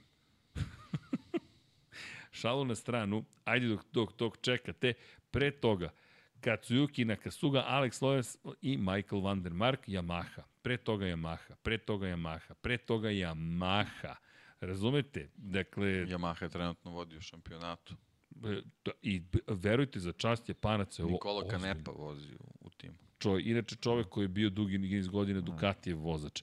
Pre toga, Honda je bila ta koja nije puštala pobedu. Dakle, Honda nije puštala pobedu tamo od 2010. Suzuki je slavio 2009. Honda, Suzuki, Yoshimura Suzuki čuveni i pre toga Honda, Honda, Honda, Honda, Honda, Honda, Honda tamo do 97. godine, Yamaha tada sa Colinom Edwardsom i i i Nitro Norijem, Colin Edwards i Noriyuki Haga.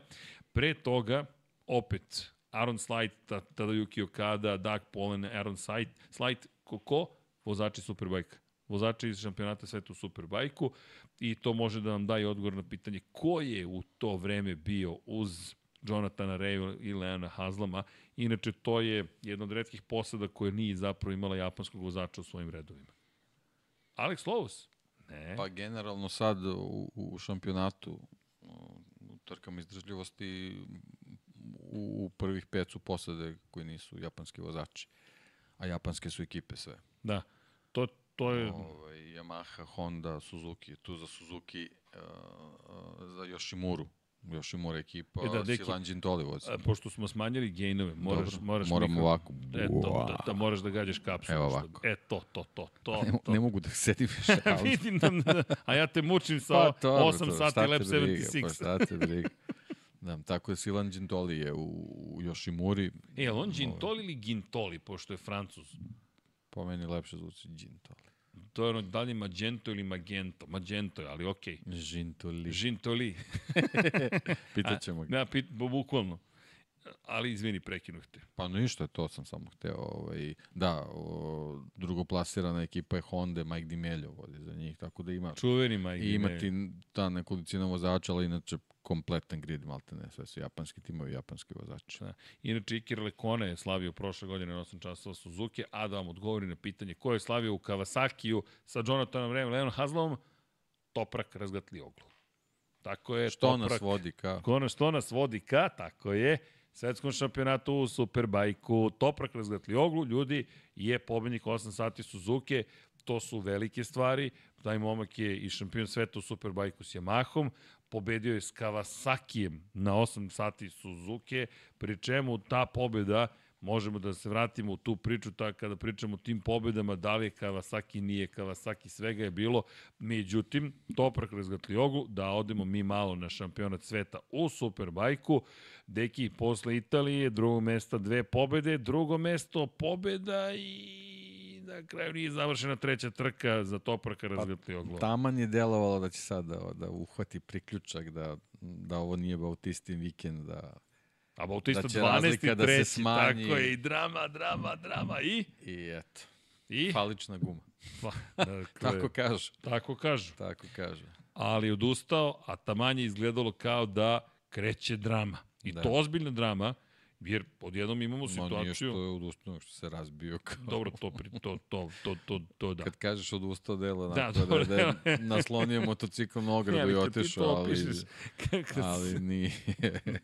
Nije, nije. Ovo, nije, nije, nije, je... stvarno, nije, šalo na stranu nije, nije uopšte naivno bilo, ali iz perspektive borbe tu za titulu, da. da vikend koji je negde vodio u mostu na ka tome da možda zaista dobijemo situaciju u kojoj Alvaro Bautista može biti čak i ugrožen, jer Alvaro da je bio na poziciji 2, dakle da je došao drugi do cilja, to je 20 poena umesto 427 imamo 422, međutim, da je pobedio Toprak, mi imamo čoveka koji u tom momentu ima 378.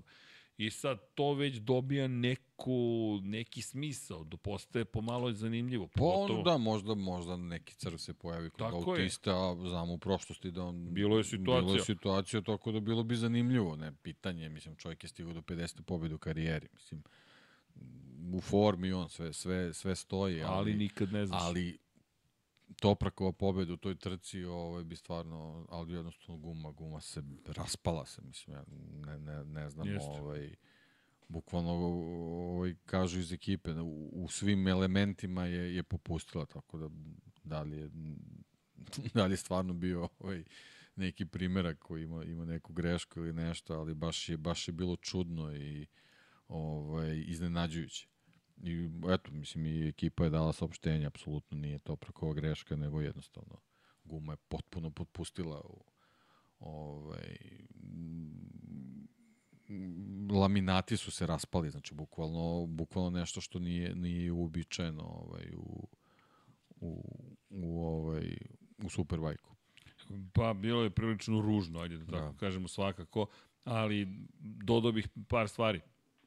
Prvo, to je da, da je Bautista pobedom zapravo i tim padom razgatli oglo stavio da. zaista nekako stvari na svoje pa mesto. Pa već, da, ali, ali super je obećavajuće krenulo, znaš, ta prva trka, kiša, pa a, procene koje gume, pa naravno Johnny Rea ponovo pogodio. To sam htio da ti da, kažem, ko je zabeležio 119. Po, pobedu. Ponovo pogodio sa, sa ovaj...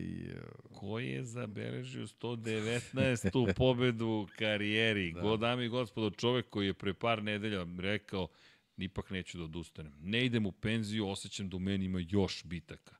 Okej, okay. Da. Evo ga. Pa eto prilika, ono... Pobedio čovjek. Ovaj, nepredvidivi vremenski uslovi, treba pogoditi ovaj, gume, on je pogodio ovaj su i da i to je bilo isto zanimljivo ovaj ne znam koliko je vremena već prošlo imamo ovaj tri trke sa tri tri različita brenda na za, za pobednički motocikl to je isto bilo ovaj interesantno na primjer eto to to se nije dugo dugo desilo na taj način što u stvari ovaj potvrđuje tu dominaciju Ducatija koju smo koju smo imali, tako da eto, bilo je interesantno, obećavalo je da će, da će možda se desi ta, to smanjenje razlike ovaj, u, u borbi za prvo mesto, i, ali na kraju smo došli, kako beš, oni su čini se ušli su sa 70 bodova razlike, sad je 74.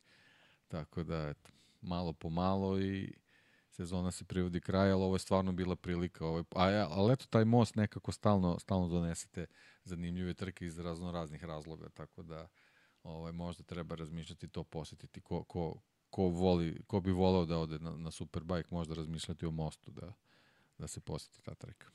Most, staza, da. vrlo zanimljiva. Moram, e, Brno je nekako navika kada je reč o češkim pa jeste, leto, ovo, ovo može da bude onako kao Lepa alternativa, neko, zanimljiva alternativa. Zašto da ne, da, što da ne. posebno kad su interesantne trke. I, i, I naravno, eto, izvoli Danilo Petrući. Danilo Petro, pa moram pomenuti Danila, bio je Slobodno, treći, osmi, naravno. drugi. Čim I- kretne kiša pada, on nešto, nešto se provodi u njemu i E, ali lepo je Eto, bilo da. vidjeti ga, prosto na pobjedničkom postolju i baš, baš je bilo zabavno.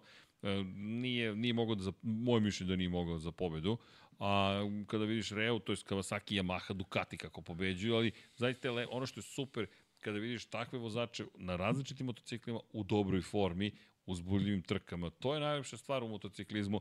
Inače, Superbike, apsolutno dominacija ponovo Lara Bautiste kroz sezonu, ali ovo je taj vikend koji čekaš. Znaš, Da, baš je to bilo, je, znaš, da je razlika pala ispod 40 bodova. Ma, to je drama Moglo je već. baš da bude To, interesantno. to je da. drama. Imamo, Sa tri trke u, u vikendu, bukvalno, pa a pritom imamo, i Toprakom koji nema šta da izgubi. Pazi, Moglo da bude interesantno. Manjikur, Manjikur, dobra staza. Jeste da je tamo negde, kažu, ne dođi što se tiče Francuza, ali je mnogo. Meni, ja volim Manjikur, ima, ima nešto. Aragon, čudan mi je uvek Aragon, ali dobre trke zna da, da, da, da, da, da, pri, da nekako stvori, da kreira. I Naravno, poslednja krivina. Dobro, Ona je, ona je i, i za Superbike diskutabilno, onako moraš baš da se spremiš dobro. I, i, da, i, ali pa ona ima dva temena, ona je drugačija, to je, ne, znaš, mora, Znaš, kao da, moraš da, znaš da, da, voziš. setuješ motocikl samo za krivinu. je. Bukvalno. I naravno ne znamo koja će biti poslednja runda još uvek u šampionatu sveta u Superbike i da li će, to jest koja će biti, pošto zapravo još uvek treba da se potvrdi trebalo je da imamo još četiri trkačke vikenda, tri su potvrđene, dakle Francuska, Španija i Portugal, ali četvrta ta TBC i dalje. To be confirmed, da. tako da čekamo. Ali, ali, ali Superbike baš lep što se tiče Petruća, pa samo bih da ga pohvalim, zaista mislim da zaslužuje čovjek pohvale. Možda sam prosto možda... Ja bih samo volao da je ovo nekako, da kažemo, i dokaz da, da polako ovaj, dobijamo Petrućija, na primjer, i Superbike. Bilo bi lepo. godinu, to bi baš bilo lepo. pa, pa, Uz vidi. Janonea. Pa, šta uz Janonea? Pa pogledaj Italijane, Locatelli, I- i Basani, Lecuo- Petrucci, i Rinaldi, i dok je ono dobro Da, kao da, Španca, ali da, opet da, da. dobar, kvalitetan vozač. Pa pazi, ja ne bi nije Egirtera izbacio iz cijele priče. Da. Egi uči ove godine. I Britance. Znaš, Lowe's ti dolaze. Lowe's, ali koji? Pa. A Bata Lowe's. Jedan i da, drugi, da. Sem. Dobro, i ovo je pokazao da, da je sklon ka padovima, ali možda, možda Sam ovaj, napravi Možda bude. drugačiju karijeru. Je da i Johnny dalje drži A je priču. pisalo koji će motocikl da vozi? Ko? Uh, Mark VDS. U, čekaj, mislim, ja mislim da, da je jeste. bilo, ja sam to propustio, moram da priznam. Nisam, Jao, sam ovaj, zaboravio sam. Evo, iskreno ti da. kažem, znam da Čini idu... mi se čak da je baš i u prvoj vesti pisalo. Uh, ali sam čekaj, sad ćemo Ducati. Panigale V4R. Vidi, ja bih u Superbike, uh, Panigale. Dobro je, vidi, ako već ulaziš, znaš kako, Bata ostaje, produži ugovor za još jednu Da. godinu u Kawasakiju, ti si u Ducatiju, u BMW ide Toprak. E, vidi, karte tu se onako mešaju, svega će Biće to biti. zanimljivo, da. I Lekona, bit će Pratite bolje. Superbike. Treba, zaista, ja mislim da, da, da vredi ga pratiti. I ja tu razmišljate o nekom mostu ili tako, nekoj stazi. Pa vidi, da, može da se, po, po most je, je dobar u celoj priči. Pa što da ne? Ja mislim da iz ove perspektive, U, u ovom nekom lokala. periodu godine isto super, šta? Šta, odeš, provedeš se lepo, lep, lepo je prosto, lepo to ići u Češku. Tako je. Da spomenemo inače i, i trku Supersporta, Nikolo Bolega u prvoj trci prvi, u drugoj 16. Stefano Manci drugi je odustajanje, dva treća mesta za, za koga? Za Bahatina Sofuoglua. Tako da, polako ali sigurno Sofoglu koji ima jednu pobedu ove godine, još je on daleko od onoga što je, jel te, Kenan, tata, Kenan Sofoglu radio, ali polako, je korak po korak. Inače, Bulega nema obezbeđenu titulu, dakle, Bulega ima 46 pojena prednosti, Nikolo Bulega, koji gotovo da ne može da ne pobedi, samo je ironija da u Italiji nije zabeležio pobedu, tada je Stefano Mancis dominirao, dakle potpuno dominacija Stefana Manci, dve pobede u, u, u Imoli, ali s druge strane i dalje ima prednost u šampionatu Nikolo Bulega. Inače, ono što je zanimljivo, makar meni, znaš ko je pobedio, ne znam da li si ispratio u, u super Taran McKenzie. Taran McKenzie uspeo da zabeleži pobedu, to je ono što je fenomenalno, prosto pričamo o ne, ne znam da ste pratili Tarana McKenzie-a, ali, ali pro, prostoji priča zajedno sa, jel te, Burazerom, bratom, Taylorom McKenziem. Inače, obojice su sinovi čuvenog Nila McKenzija. Za one koji ne znaju, eto, cela trkačka porodica, ali eto, Taran McKenzie zabeležio pobedu. Pa eto, čisto da spomenemo i u Supersportu da se to dešavalo. E, moram ti priznati, nisam ispratio Supersport 300, Uh, SSP 300, da vidimo šta se tu zbivalo. Priznajem da nisam ispratio. To nisam. Desi se ponekad, pogreši čovjek. Da vidimo šta kaže u mostu, šta se desilo. Lennox Lehman. Lennox Lehman je pobedio. Čekaj. Jel to... Ako su to Lennox i njegov brat voze kup talenata Severa, ako su to, ako je to, ako je to ta ista ekipa, uh, samo sekund, Lennox Lehman bi trebalo da bude momak koji vozi inače sa bratom u u šampionatu Nemačke i u kupu talenata Severa. Prenosili smo, komentarisali smo Lennoxa Lemana. Da, da, to je to, taj, taj momak. Pa eto, zanimljivo, lepo. Kup talenta Severa ima podršku manju od Moto E klase Dornine, nažalost, ali ali ima tamo zaista dobrih trkača prave šteta što ih više ne podržavaju, ali ok, Lennox Lehman lepo i pazi ovo, Aldi Satya Mahendra je zabeležio pobedu na Yamahi. Ok, ovo bi trebalo pogledati ove trke. Šta se tu zapravo dešavalo? Aldi, dakle, pobeđuje. Aha, evo je vest. Strikes in the wet. Padala je kiša, da li indonežanin, pa trebalo je da znam. O, ovo kao kod kuće. Ajmo lagano. I pa to pobjeda, lepo, 16. i prvo mesto, sjajno. Dakle, Lennox Lehman. Vidiš, nisam znao da je Lehman ovde. Morat ću da ispratim malo bolje. Dobro, Dirk Geiger, Petar Svoboda, Jose Luis Perez Gonzalez na prvom mestu. Kawasaki, KTM, Yamaha, zabavno. Baš zabavno. E, to, tako treba da izgleda Moto3 kategorija. Ali dobro, to je neka druga priča. Deki, smo zaboravili nešto? Imamo da smo nešto planirali. Pa eto, čisto da ali... najaviš za vikend. Šta smo rekli da će biti na Moto Grand Prix. A šta smo rekli da će biti na kraju? Će džungla na asfaltu. Džungla na asfaltu, ne, ne, ali imamo kada smo nešto rekli za kraj krajeva. E, dragi ljudi, Uh, nadam se da ste uživali. Pred nama je mnogo lep vikend. Ubeđen sam da će biti super. Prosto Silverstone sam po sebi. Velika Britanija, pet nedelja čekanja se završava posle 35 dana. Najzad do, dolazimo da da, do toga da se trkamo u Moto Grand Prix-u, pa da vidimo zaista ko će to biti najbolji. Kliknite like, molim vas, evo, molim vas, kliknite like, like, like, like, treba nam, treba nam, ljudi, to pomaže algoritmu, pomaže samim tim kanalu, pomaže svemu i verujte koliko god delovalo kao sitnica, možda smo malo dosadni, zaista pomaže. E, u svakom slučaju, kada pričamo o, o, o onome što se dešavalo, dakle, u generalno svetu motociklizma prethodnih par nedelja, što Vesti, što Superbike, što Valentino Rossi na četiri točke i dalje ga nekako prisvajamo u svetu motociklizma. Došlo je vreme za kraljevsku kategoriju, za Moto dvojke, Moto trojke, Moto E klasu.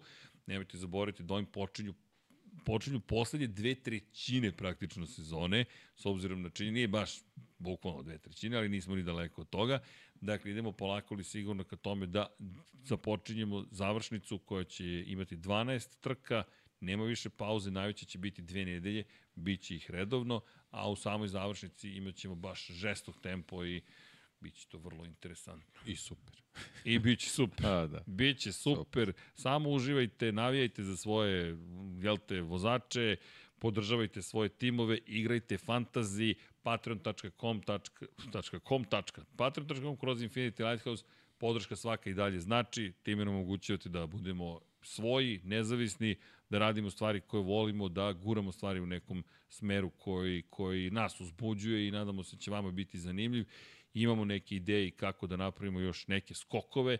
Znate, s vremena na vreme treba napraviti skok, i pomeriti, razmrdati se, rizikovati u krajnjem slučaju. Mi, mi, mi to želimo i evo, radimo na tome. Tako da uz vašu podršku to će biti samo jednostavnije i brže. i to ono što je bitno. shop.infinitylighthouse.com, to je ono što je najlepše. Kupujte knjige od nas, stižu knjige, sve koje su obećane. Deki si inače sada, smijem da kažem, uključio na, na svaki mogući način u rad Infinity Lighthouse, tako da disciplina dolazi u naše redove. Da ne kažem i na sredinu stola. U svakom slučaju, Deki, hvala ti kao i uvek zadovoljstvo. Hvala tebi. Neopisivo zadovoljstvo. Ovih dana ti ja planiramo neko, neko druženje. Uh. Druženje, dugujemo, dugujemo ovaj podcast. Za, Da, dugujemo. Za, za spojlovanje, ali dobro. Ali dobro, ne Uradit ćemo, zamerite. uradit ćemo, da. Hteli smo da podržimo i, i Čika Džankija. Neka, neka. Okay. Prosto, Super, super. Mislim da mu je potrebna podrška, dugo nije, nije bio u javnosti na taj način. Kliknite na Geto, pogledajte. Pogledajte, Ko voli tu muziku, ne, nema šta Ko da voli se te priča. priče, pa nema bukvalno. šta da se priča. bukvalno. Da. Evo, Vlada je Da. vrlo zadovoljan, kaže da je veoma dobar podcast bio.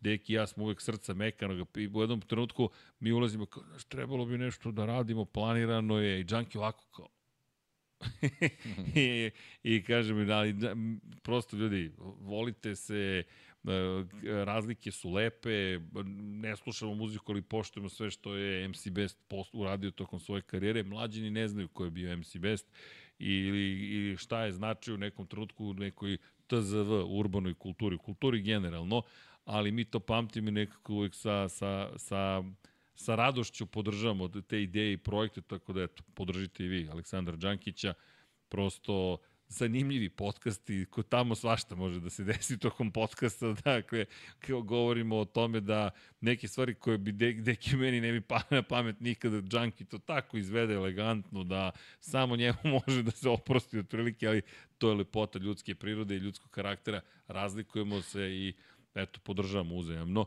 Posjetite Avelativ kanal takođe, idite na LCR Honda, podržite ovog momka što se tiče dakle, domaćeg rada, momak se zaista trudi. Šta, šta? Vidimo se mi, hoćemo da vozimo, hoćemo da naučimo. Pričat ćemo, nećete naučiti, ali, ali nema veze. E, dragi ljudi, to bi bilo to za večeras. Dakle, džungla asfaltna stiže u džungli mikrofona. Dejan Potkonjak i Srđan Erceg su predvideli šta će se desiti na kraju sezone. Šampion će biti... Pokušao sam deki makar. Pazi, kako mi iskulirao lagano. Udrite like za ovo kuliranje. Znači, samo je došao Kimi Raikkonen chill sa ove strane. Samo je stigao hladan led. Ali znaš kakvu facu imao pre neki dan kad smo ušli da ne imenujem restoran, seo i kaže, molim vas, dajte mi, šta si htio?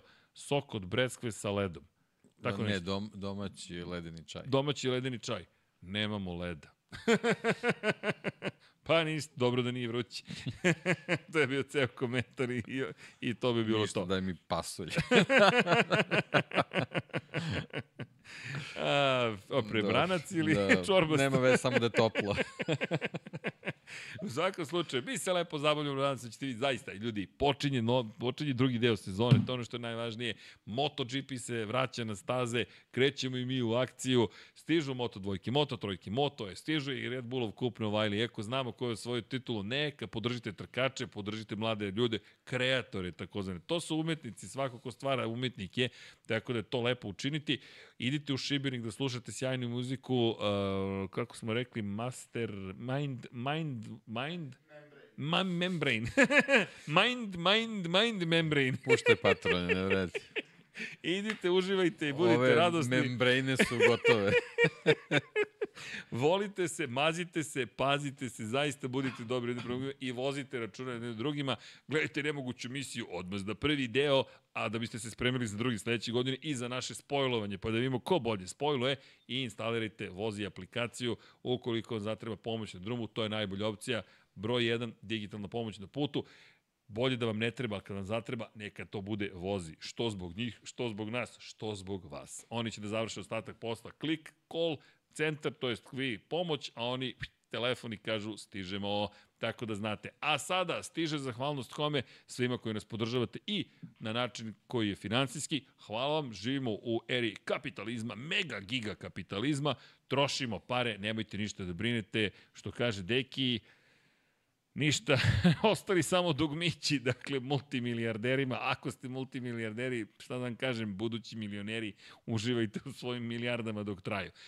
Idemo, hvala vam, šaljemo vam ljubav iz studija na kraju univerzuma i naravno vratit ćemo se da vam kažemo pa znate već šta. Krećemo, Vlado! Hvala, dakle, celoj ekipi, Alen Stojičić, Milan Milašević, Vladimir Filipović, Miloš Broćeta, Crnogorski džedaj, Stefan Ličina, Bojan Markov, Nenad Simić, Katarina, Ognjen Ungurjanović, Stefan Radosavljević, Antonio Novak, Dušan Ristić, Luka Savović, Aleksandar Jurić, Vladimir Petković, Nemanja Zagorac, Sean Hing, Mirina Živković, Deus Nikola, Živojin Petković, Nikola Marinković, Bahter Abdurmanov, Đole Bronkos, Đorđe Andrić, Branimir Rijavec, Luka Klaso, Nikola Božinović, Anonimus, Donatorus, Žarko Milić, Marko Petrkanović, Dejan Đokić, Marina Mihajlović, Miloš Rosandić, Nikola Grujičić, Mlađan Antić,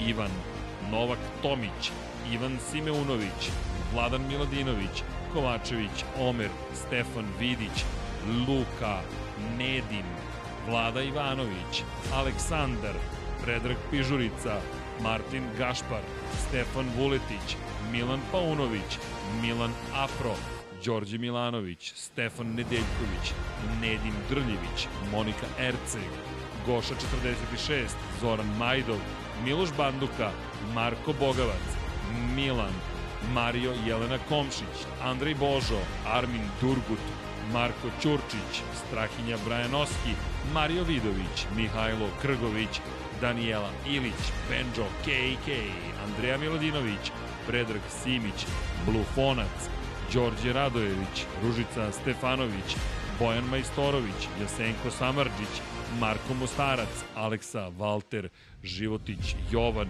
Anonimus Donatorus, Mihovil Stamičar, Ante Primorac, Zoran Šalamun, Boris Kujundžić, Aleksandar Radivojša, Nemanja Jeremić, Nenad Đorđević, Marko Hork, Ivica, klub štovatelja Ramona Mjereza, Inzulin 13, Branko Bisački, Đole Cheesehead, Ognjen Marinković, Nemanja, Milan Kića, Mladen Mladenović, Darko Trajković, Stevan Zekanović, Stefan Lešnjak, Nebojša Živanović, Marko Marković, Kristijan Šestak, Ivan Maksimović, Marko Kozić, Igor Jankovski, Matija Rajić, Toni Ruščić, Branislav Dević, Andreja Branković, Lazar Pejović, Laslo Boroš, Ferenc Laslofi, Aleksandar Milosavljević, Ivan Rebac, Dušan Delić, Lukas, Marko Radanović, Strahinja Blagojević, Zoltan Mezeji, Marko Kostić, Petar Nujić, Mladen Krstić, Igor Vučković, Ivan Panajotović, Andrej Bicok, Sava Dugi, Gloria Edson, Zorana Vidić, Boris Golubar, Đorđije Lopušina, Borko Božunović, Lazar Hristov, Aleksa Vučaj, Ivana, Kimi Rajkonen, Vojin Kostić, Bojan Bogdanović, Bojan Mijatović, Stefan Stanković, Bata Brada, Nikola Stojanović, Vladidov Dejv, Vučinić Miroslav, Ertan Prelić, Dragan Matić, Jugoslav Krasnić, Renata Neš, Luka Martinović, Vladimir Uskoković, Vukašin Jekić, Marin Antunović, Safet Isnjami, Mambrisapa, Zoran Cimeša, Mambrisapa hvala za posetu, Veselin Vukićević, Aleksandar Banovac, Ljubo Đurović, Optimistik, Josh Allen, Fan, Salim Okanović, Klara Gašpar, Anonimus, Dona Torus, Mirina Kovačević, Miloš Radosavljević, LFC,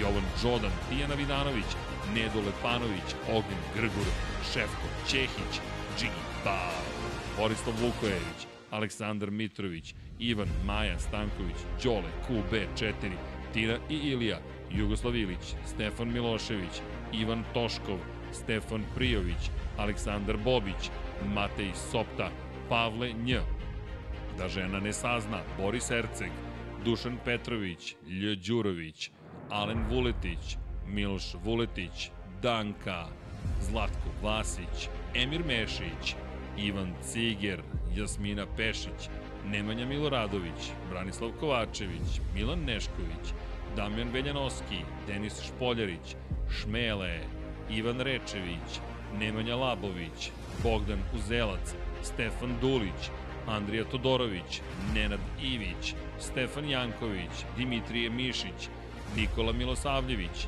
Jelena Jeremić, Aleksandar Antonović, Aleksandar Čučković, Miloš Rašić, Dejan Vujović, Aleksandar Anđelić, Luka Manitašević, Srđan Sivić, Branislav Marković, Ivan Milatović, Daniel Kolobarić, Dorijan Kablar, Neđo Mališić, Aca Vizla, Sead Šantić, Đurđica Martinović, Vladimir Mutić, Josip Kovačić, Miroslav Cvetić, Mladen Tešić, Vukašin Vučenović, Vladimir Jovanović, Grgo Živaljić, Jelena Veljković, Armin, Vladimir Stojadinov, Đerman, Miloš Todorov, Vuk Korać, Aleksa Lilić, Saša Ranisavljević, Jeca and Stefan, Jelena Mak, Borislav Jovanović, Marko Blagojević, Milan Ristić, Vanja Radulović, Filip, Igor Gašparević, Branislav Milošević, Branko Rašević, Uroš Ćosić, Resničanin, Bojan Gitarić, Ejhel, Stefan Škrbić, Slaven 84, Marina, Aleks Vulović, Saša Stevanović, Maksi, Igor Ilić, Ivan Hornjak, Future Graciano Rossi, Branislav Dević, Ćao Branislave, Jelena Jeremić, Domagoj Kovač, Krorobi 00, Bakadu, Alen Jesenović, Ivan Božanić, Nikola Vulović, Zlatko Marić, korespondent, korespondent, Goran Mrđenović, Mađar 007, Vlada Ivanović, Miloš Zed, LFC, Nikola Božović, Nemanja Bračko, Vladimir Subotić, Vladimir Vujičić, Ivan Magdelinić, Nikola Grđan, Škundra, Din Stero, Milanka Marunić, Ivan Vujasinović, Ljiljana Milutinović, Mateja Nenadović, Marko Bogavac, Dejan Janić, Vladan Miladinović, Tomić Miloš, Uroš Čuturilo, Ivana Vesković, Pavle Lukić, Aleksandar Kockar, Divlji Bučak, Blagoj Ačevski, Đera 7, Marakos, Igor Ninić, Sejdo Mujčić, Nemanja Miloradović, Anonimus Donatorus, Vladan Đurić, Ada Sokolović, Milan Knežević, Vuk, Kosta Berić, Nikola Niksi, Aleksandar Nikolić, Galeksić, Nemanja Cimbaljević, Almir Vuk, Penđer, Aleksandar P, Bojan Markov, Ivan Vincetić, Omer Sarajlić, Đorđe Janjić, Drago Veković, Dejan Plackov, Plackov, Nikola Adamović, Oliver Nikolić, Mensur Kurtagić, Žika Su, Nemanja, Jovan Bojanić, Bruno Jurić, Josip Buljovčić, Marko Stojilković, Nedžad Rakić, Milorad Redić, Almedin Ahmetović, Pujo, Nikola Grujičić, Miloš Stanimirović, Nikola Kojić, Petar Bjelić, Vojislav Tadić, Srđan Ćirić, Toni Soni 76, Bojan Stanković, Ivan Doko, Žiksi, Tatjana Lemajić, Lazar Milentijević, Vukašin Vučenović i krećemo u tan tam tum tum tirim pam panam pim pom pom pom ponom pom. Deki, ćeš bas liniju? Deki je li, autobuska linija, ako ćemo po bas linijama. Ništa, Deki, šta da ti kažem, kao i uvek, zadovoljstvo, sreća, radost, to si ti. To, zadovoljstvo, sreća, radost. Ja, zadovoljstvo slušati te, sreću donosiš, radosni smo kad si tu. Opa! Opa! Idemo! Deki, Vidimo, Vidimo se, se. za par sati. Imat ćeš podcast uživo, to jest Terza, imaš podcast uživo, spremi se, jer mi učutati nećemo. Nemojte da vas iko učutkuje, volite se, mazite se, pazite se, recite šta mislite, budite dobri, učite školu, vodite računa o svom zdravlju, i psihičkom i fizičkom, budite dobri, kliknite like, share and subscribe i naravno, Ćao svima. svima.